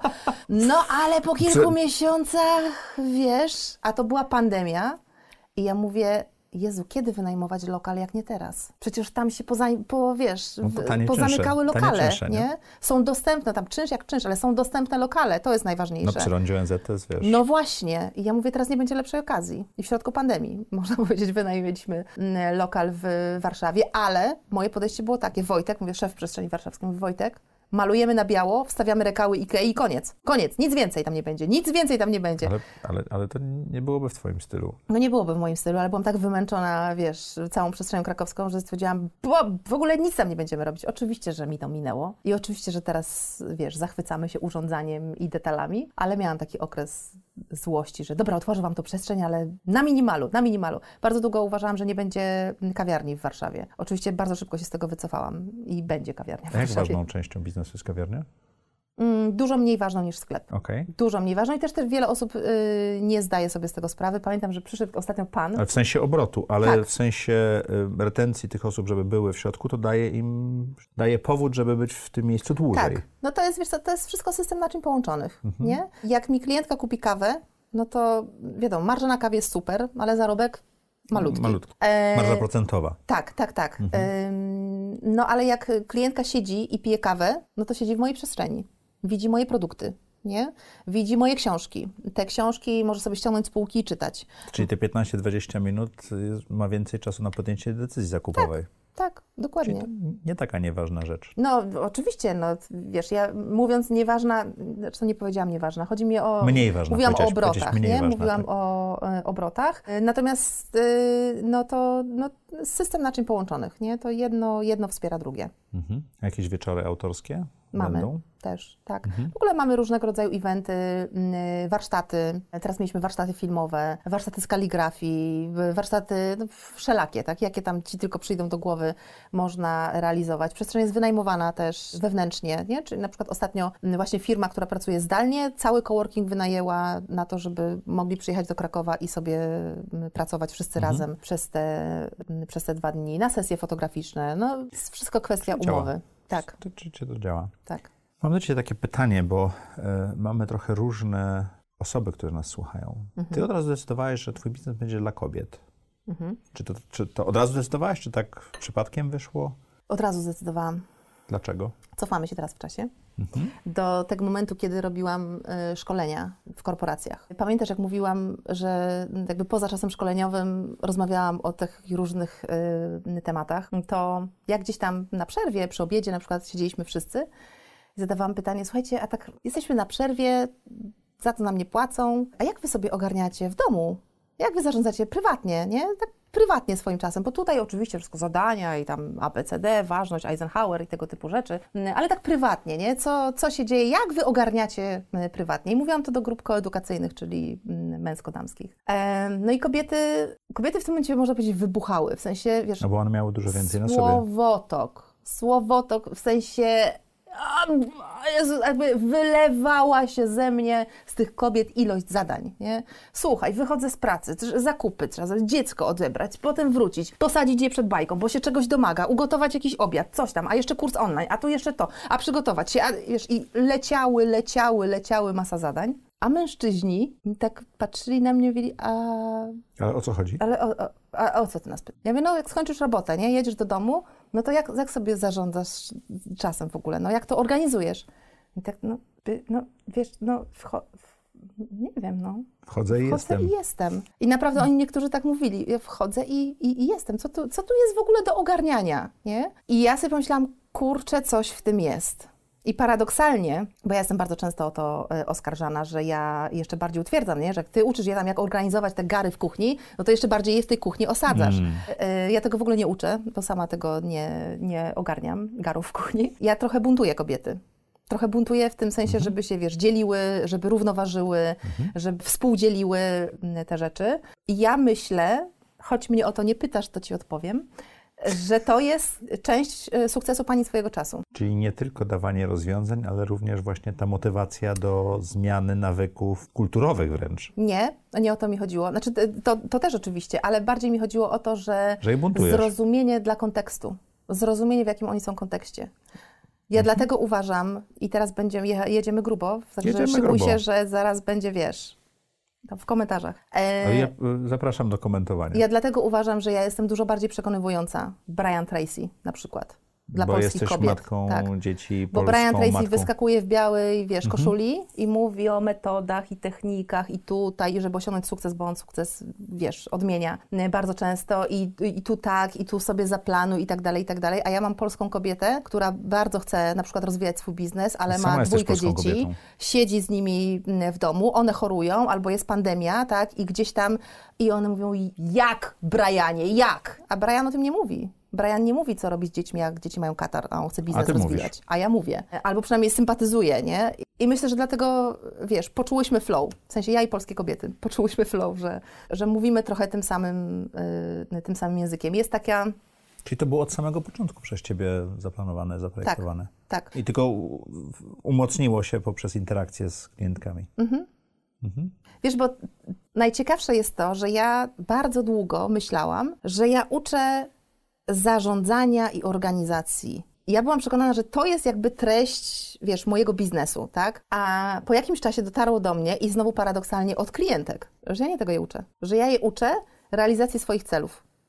A zarządzanie organizacją czasem to jest, Jest, tylko część, środek. jest częścią tego. Tak, to jest, to jest środek do tego, żeby to y, osiągnąć, bo y, jak ja zaczynałam te 7 lat temu, to zarządzanie i organizacja czasem były postrzegane jako, wiesz, odhaczanie y, zadań. Kobiety były przekonane, że ja je będę... Bez priorytetyzacji, bez tego wszystkiego. tak, że ja je tego będę uczyć, nie? Że mam y, 48 zadań i muszę je wcisnąć w 3 godziny, proszę, trzy metody i techniki, które mi to pozwolą. A ja Żadna- mówię, nie ma a ja mówię, kobieta, ale po co ty to w ogóle robisz? No, ale jak to? Ja mówię, ty się zastanów.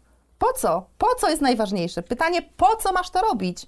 Co ci to daje? Co ty chcesz realizować tymi zadaniami? Jakie cele chcesz Zrzuć, te- realizować? z- zrzuć 45 z tych 48 i wtedy je zrób. Ja tak? mówię, być może one są w ogóle nieważne, być może to jedno powinnaś zrobić, które w ogóle nie ma go na twojej liście. I wiesz, że to było takie... "Eee, A to nie chodzi o to, że ja mam sobie odhaczać? Ja mówię, no jak lubisz odhaczać, to odhaczaj, ale ważne jest, co odhaczasz, nie? a nie, żeby odhaczać. No. Ważne jest, co jest na liście, a Tak. nie jak ją odhaczamy. Dokładnie, dokładnie. I paradoksalnie sama takie mam wrażenie, że bardziej, bardziej się teraz na tym skupiam i to mnie bardziej mm, cieszy, nie? że uczę zastanawiania się, Czyli inspirujesz, motywujesz i uczysz. co jest moim celem, co ja chcę w życiu, w pracy, w życiu prywatnym, w życiu zawodowym. Nie? To jest najważniejsze. Jak to sobie będziemy układać i nad tym będziemy myśleć, no to będziemy dobrze dobierać zadania. A tak to po prostu bierzemy pierwsze lepsze. Jakie mamy, jakie ktoś nam rzuci, pracodawca, teściowa, ktokolwiek. To co jest na twojej liście, twoich celów? Ech, wiesz co, moja lista ewoluowała i kiedyś były na niej takie bardzo zadaniowe rzeczy, nie? Związane z biznesem, czy z jakimiś takimi konkretami dawno temu, wiesz, kupić mieszkanie, a potem spłacić mieszkanie. Takie rzeczy już totalnie zniknęły z, z tej listy. Kiedyś miałam na liście na przykład budowanie imperium, w sensie, że pani swojego czasu... To się tak nazywało? Tak. Ja tak z- Imperium? Imperium, dokładnie. Jak gdzieś tam prześledzisz, to ja, ja często używam tego słowa, że ja buduję imperium i w ogóle co. Natomiast y, w tym momencie na przykład y, budowanie imperium zostało zdetronizowane, tak się mówi chyba, przez jakość tego imperium. Nie? Czyli ja Czyli na nie przykład... wielkość. Nie wielkość, nie obroty, nie zysk, tylko jakość. A Jak mierzysz jakość swojego imperium? Na przykład standardem pracy moich pracowników. A jak mierzysz standard pracy swoich praco- pracownic? Bo to chyba same dziewczyny. Nie, Okej, Nie, szef, szef na przykład przestrzeni to jest y, Wojtek Chłopak. Y, na przykład taki, że mamy y, wyższe wynagrodzenia niż średnia rynkowa. Praktycznie na każdym, Płacisz na ludziom każdym więcej stanowisku. niż mogliby dostać na, na Tak. podobnym stanowisku na rynku. Tak, tak. Czyli psujesz rynek. Tak, niektórzy tak myślą. Niech sobie myślą. To był żart. Muszą sobie radzić z tym zepsutym rynkiem wtedy. Jakby od takiego myślenia, że y, biznes ma rosnąć, biznes ma mieć zyski, to oczywiście dalej tak jest, nie? No jak nie będę miała zysków, no to nie będę miała jak inwestować, nie? Więc to, to, Ale nie to musi dalej rosnąć jest. na siłę. ale nie musi rosnąć na siłę. Bardziej myślę o tym, jak, jak mój biznes ma tworzyć na przykład dobry ekosystem dla moich pracowników. Dobry ekosystem, czyli wiesz, takie miejsce, w którym jest im dobrze, w którym się rozwijają, które o nich dba. Jakby ja nie mam takiego myślenia, że biznes jest tylko dla mnie albo dla klientów. Ja na przykład czerpię wielką radość z tego, że e, zatrudniam ludzi i że jakby mogą się u mnie rozwijać, mogą zarabiać. Mi, mi to sprawia przyjemność, tak zwyczajnie. I gdzieś tam o tym teraz y, myślę. Albo zaczynają się pojawiać u mnie takie cele, jak ja mogę zacząć oddawać to, co dostałam. Nie? Czyli na przykład w przestrzeniach pełnych czasu mamy bibliotekę. Biblioteka jest y, totalnie, można być publiczna. Po prostu płacisz 5 zł za kartę biblioteczną i wypożyczasz książki, tak jak w każdej innej bibliotece. Nie? Zabierasz je do domu, y, wracasz. Ale zaczynamy Czyli myśleć... w ogóle nie ma w tym zysku, prawda? Nie ma tam zysku żadnego, ale zaczynam myśleć e, o tym, jak można wprowadzić kwestię e, jakichś wymian, nie? Czyli, nie wiem, regały, na których ty przynosisz rzeczy, bo ci są niepotrzebne, a ktoś je zabiera, bo mu się przydadzą. Bez żadnej wymiany finansowej, nie? Nie, nie, nie muszą za to, za to płacić. Albo różnego rodzaju kiermasze. Jak moja firma może mm, wspierać te osoby, e, no na przykład jeszcze nie są na takim etapie, żeby mogły sobie poradzić, mm, pozwolić choćby na moje produkty. Ja na przykład, wiesz, pamiętam siebie jako studentkę, 22-letnią. To taki planer byłby poza zasięgiem. Tak, totalnie. Ja jadłam gruz, wiesz, naprawdę biedowałam. W życiu bym sobie na coś takiego nie mogła, nie mogła pozwolić. Nie mogłabym sobie pozwolić na swoje własne e, webinary, nie? Wiem, bo moja cór- córa, która kończy medycynę, to czasami właśnie z tym planerem twoim za, na bakier, bo jest za drogi dla niej. Mhm. No e, i wiesz, ja jednak cały czas myślę, jak, że to nie może być tylko i wyłącznie płatne. Nie? Że to... Ale to daje ci już e, chyba wielkość biznesu i taki pewien luz, że możesz też oddawać w pewnym Mhm. sensie, tak? Ale zadałem trochę inne pytanie, zadam je jeszcze raz. No. Jakie ty masz cele? Ola. Uff, Bo powiedziałeś, jakie biznesowe są cele, które są bliskie tobie, bo ty się z Mhm. tym biznesem identyfikujesz, ale ty jako...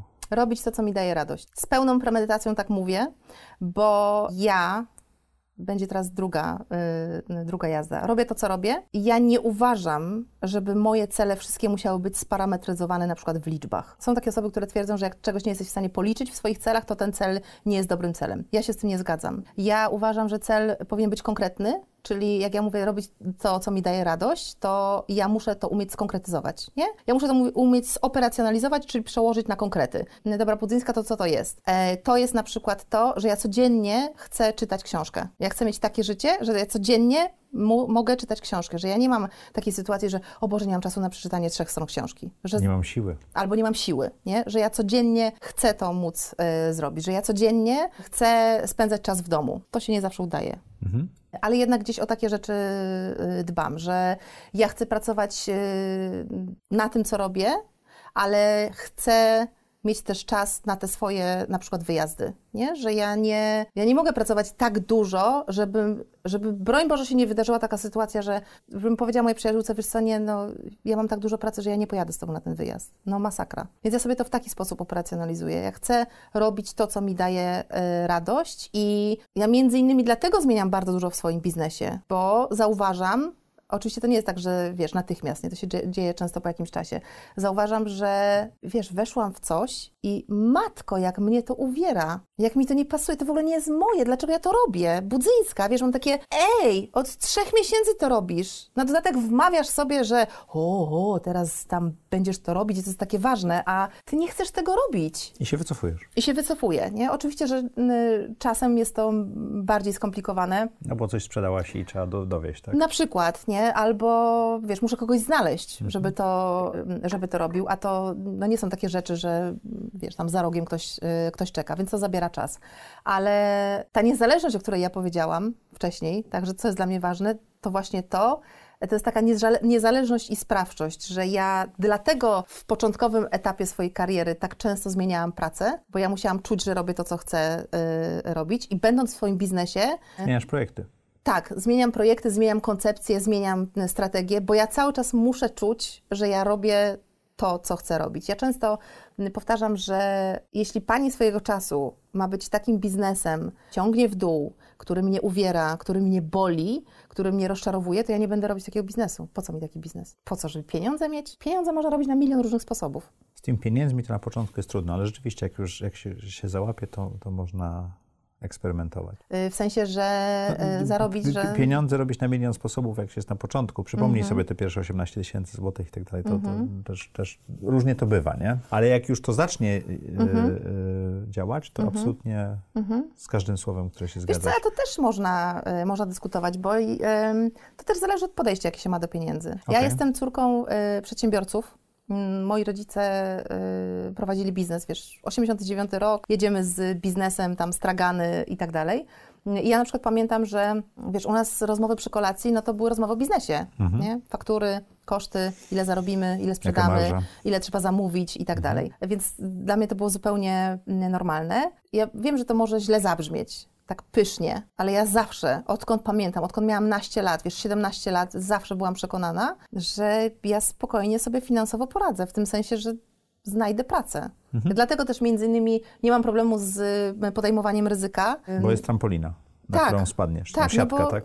Wiesz, ja już tyle rzeczy w życiu robiłam, że no okej, no to nie będę prowadzić biznesu. Świat się nie kończy na biznesie, to pójdę gdzieś indziej, nie? To coś innego będę robić. Olu, w audycji Zaprojektuj swoje życie jest taki moment, że zadajemy pytania, które nawet mają swój hashtag, trudne pytania. Mhm. I chciałem Ci ich kilka zadać. Pozwolisz? Dobrze. Mam nadzieję, że jedno pominiesz. To takie trudne dla mnie. Nie powiem ci, które.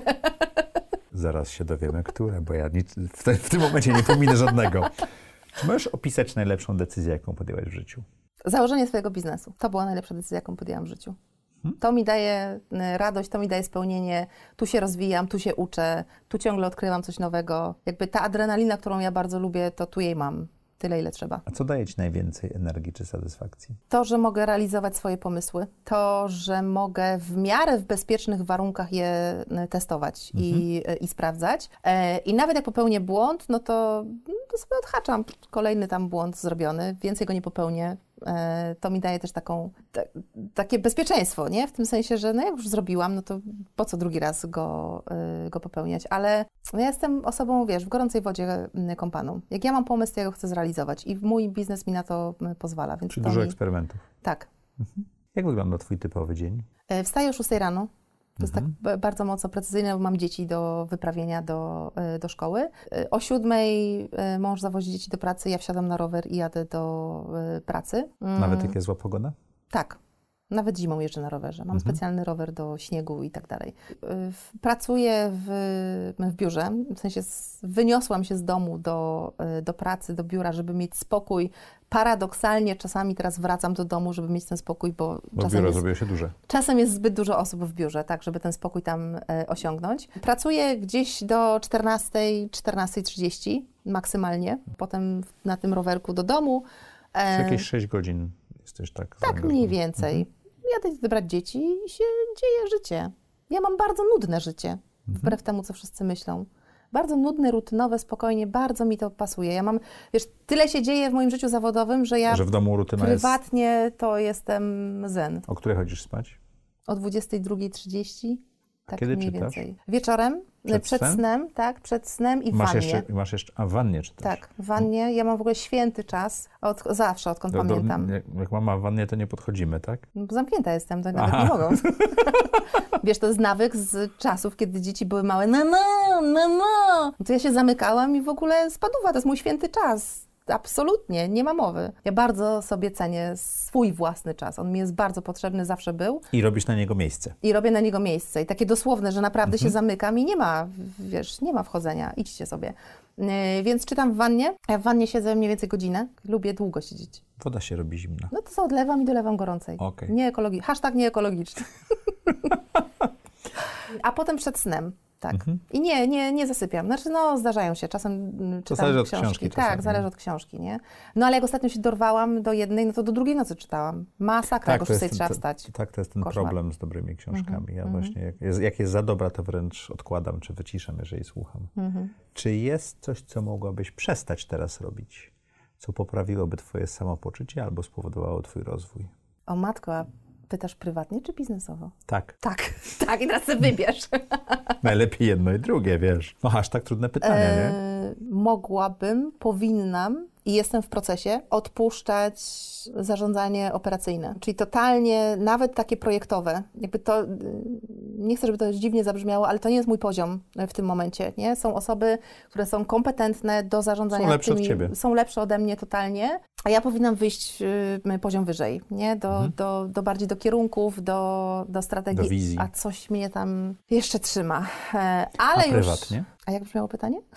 Co mogłabyś przestać teraz robić, co poprawiłoby twoje samopoczucie lub spowodowało twój rozwój? Przestać robić prywatnie. Wiesz co, nie mam pojęcia. To łatwo dopisać do tej listy, nie? To-dusów, ale, ale Tak. wyjąć. Tak. Ja nie wiem, czy jest taka rzecz. Ja wiem, że to tak. Yy, To ja poproszę potem brzmi. na Slacku, na, zaprojektuj swój biznes, odpowiedź, jak, cię- jak cię tam zaprosimy i do Wiesz co, z chęcią sobie to przemyślę, tak, i zastanowię się, dlatego że ja, y, wiesz, ja nie bez kozery uczę zarządzania sobą w czasie i ja uczę wycinania rzeczy, nie? Zarządzanie sobą w czasie ja to jest... uważam, że z całej audycji to jest najważniejsze pytanie. To jest pytanie, wycinanie które ja rzeczy, sobie zadaję no, a nie razy dowalanie jeszcze tygodniu. więcej.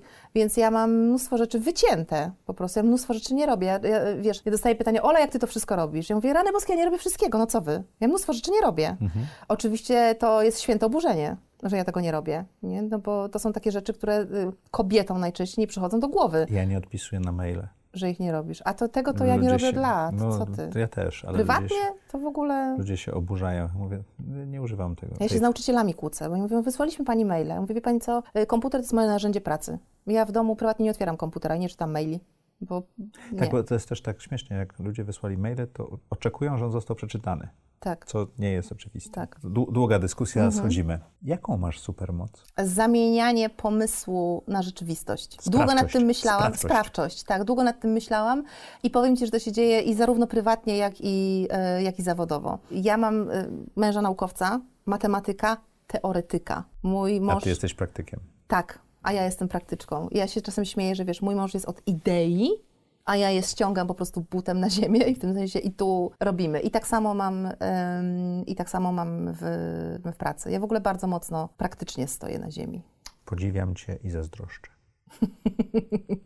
Ja jestem człowiekiem idei dużo bardziej, ale to jest dobra lekcja. Tak, ale to między Cały, innymi... Muszę powiedzieć, cały ten wywiad jest dla mnie dobrą lekcją, będę go jeszcze słuchał z 10 razy. Ale wiesz, to dlatego mnie trzyma na przykład w tych projektach, nie? Bo tam się dzieje, tam jest Tak, tak, akcja, tak, tam, tam jest jest- pyk, tam pyk, jest pyk, pyk, nie? tak. No, a idee są tam, więc to nie zawsze jest takie dobre. No to twoje odejście od operacyjności do wizji będzie tym trudniejsze, prawda? Tak. No bo wizja nie jest sprawcza. Tak, dokładnie. Ona jest bardzo dokładnie, ważna i ona dokładnie. pomaga, ale nie jest A w sprawcza. ogóle bardzo często jest tak, że wiesz, ja mam wizję i ja wiem, że tego się nie uda zrobić przez najbliższe pół roku, bo nie mamy, nie mamy możliwości, nie? Nie wiem, nie mamy finansów, nie mamy ludzi, Coś nie, wiem, nie ta robimy. koniunktura, albo robimy coś innego, no to przecież najgorzej. Najgorzej, jak coś wymyślisz, nie możesz tego zrobić. Ja Moje mam serce wtedy krwawi. rok rozpisany i po prostu już przebieram nóżkami, żeby tam być. No właśnie, także tu się rozumiemy. Twój wewnętrzny krąg. Jakimi ludźmi się otaczasz? Przez jakiś czas otaczałam się zawsze takimi jak ja. Szybkimi, rzutkimi, dynamicznymi. Pyk, pyk, pyk, robimy. I paradoksalnie odkryłam, że rozwojowe jest dla mnie wrzucić też innych ludzi, wpuścić innych ludzi, którzy działają inaczej. Żeby mieć wyzwanie. Wiesz co, nie wiem, czy traktuję to w kategorii wyzwania, Lustro? czy bardziej właśnie. Nawet jedna z nich mi powiedziała, wiesz co, ja jedyne, co, dla, co mogę, to być twoim lustrem. I to było niesamowite. Ja, ja, jak patrzę na tą osobę, to ja się już denerwuję, bo ona jest tak spokojna, mówi tak wolno. Ale Wiesz, przemyślanie. tak. I dla mnie, dla mnie to jest rozwojowe, że ja nie muszę się tak spieszyć. Że są takie sytuacje, kiedy trzeba się zamknąć i przemyśleć. Nie, Więc y, y, jeszcze jestem na takim etapie, że to jest strasznie wkurzające i strasznie mnie to uwiera, nie? I, jeszcze mam ochotę tak, to szybciej, to szybciej. Ale, ale tak, od jakiegoś czasu wpuszczam takie inne Czy- osoby. Czyli świadomie projektujesz swoje kręgi. Świadomie, tak. Ja bardziej, o tu w tym kontekście tego pytania, czego nie robię, to ja bardziej pracuję nad tym, żeby nie wpuszczać pewnych ludzi. Mhm. Bardzo mocno trzymam te osoby, które... Albo wypraszać. albo wypraszać, tak, albo wypraszać. Jak ktoś myśli, że, że to jest jego miejsce, a ja uważam, że nie, to zdecydowanie wypraszam. Opisz trzy rzeczy, które chciałabyś robić za trzy lata. Nie zarządzać. Chciałabym mieć firmę, która po prostu działa e, jak świetnie naoliwiona maszyna, a ja faktycznie jej wskazuję kierunki. Ale nie wchodzę w, ten, nie wchodzę w te tryby, wiesz, nie kręcę nimi. Mhm. To jedna. Y, to jedna. Y, Chciałabym dużo więcej podróżować. W ogóle mnie nie mam, tak jak mówiłam, nie mam, że gdzieś w jakieś konkretne y, miejsca. Po prostu chciałabym się przemieszczać. Mam ostatnio takie mocne przekonanie, że na przykład pomysł mieszkania całe życie w jednym miejscu jest absurdalny. Wiesz, świat jest tak duży i tak piękny, a ty sobie wybierasz Kraków czy Warszawę na mieszkanie? Jak możesz być pół roku tu i pół roku tu? To mnie teraz kręci. Ciekawa jestem swoją drogą. Za trzy lata obejrzymy ten wywiad, zobaczymy, co się, em, co się podzieje. A trzecie, żeby nie To nagramy może za trzy lata kolejny. Może, możemy nagrać. Czego nauczyła cię pandemia? Jeszcze więcej elastyczności, chociaż ja i tak mam jej sporo, ale wiesz co, tak, e, takiego myślenia o tym, jak będzie świat wyglądał w przyszłości. Bo jak e, był sam środek pandemii, ten totalny, wiesz, lockdown, no to my byliśmy w samym środku remontu przestrzeni pełnej czasu. Przeszła mi przez myśl taka, e, przez głowę taka myśl, że robimy to. W sensie, no możemy się jeszcze wycofać, nie? Wiadomo, że już tam trochę pieniędzy utopione, no ale być może utopimy więcej. I ja sobie wtedy pierwszy raz zadałam takie pytanie, czy, okej, ale czy ja wierzę, że w przyszłym świecie będą takie miejsca, do których ludzie będą przychodzić, bo chcą tam posiedzieć, bo chcą się napić kawy. I stwierdziłam, że wierzę, że świat taki będzie. I zaczęłam się y, dużo mocniej zastanawiać nad tym właśnie, jaki świat będzie. Jakby nie zastanawiać w sensie jakichś niesamowitych rozkmin czy planów, tylko po prostu mnie to ciekawi. Książka która? E, wciągnęła mnie ostatnio bardzo mocno. Ta, którą czytałam do, y, do drugiej w nocy, to Blackout. Także żadna rozwojowa, e, czysta fikcja, chociaż no właśnie, czy taka fikcja o y, tym, jak masowo brakuje prądu w y, Europie i w Stanach Zjednoczonych. Mm, Bardzo ciekawa z perspektywy tego szaleństwa, które się działo właśnie przy, przy pandemii. Wszyscy, o, zdalne, tak przenosimy się, nie zadbaliście o to, żeby być w internecie, no to mm, kuku. Takie zastanowienie się, co się podzieje, jakby jak, jak dobra, które mamy, traktujemy jako oczywiste, a one, one nie wcale są. są nie, oczywiste nie są, poza tym jak one są świeże, jakby wiesz, w historii ludzkości, coś takiego jak prąd, nie? To jest stosunkowo nowy wynalazek. Czy woda w kranie? No. A więc bardzo, bardzo ciekawa książka. Bardzo mnie wciągnęła. Olu, co chciałabyś, żeby słuchacze i widzowie audycji Zaprojektuj swoje życie zapamiętali z tej rozmowy? Nie ma jednego rozwiązania. e, Dobry biznes albo dobre życie. Nie ma jednego uniwersalnego pomysłu. Nie ma jednej uniwersalnej e, strategii. Każdy z nas i każda z nas musi szukać e, swojego. I to są często bardzo różne rzeczy. Mhm. Dziękuję Ci ślicznie. Dziękuję Wam. I jak co czwartek o czwartej zapraszam do audycji Zaprojektuj swoje życie.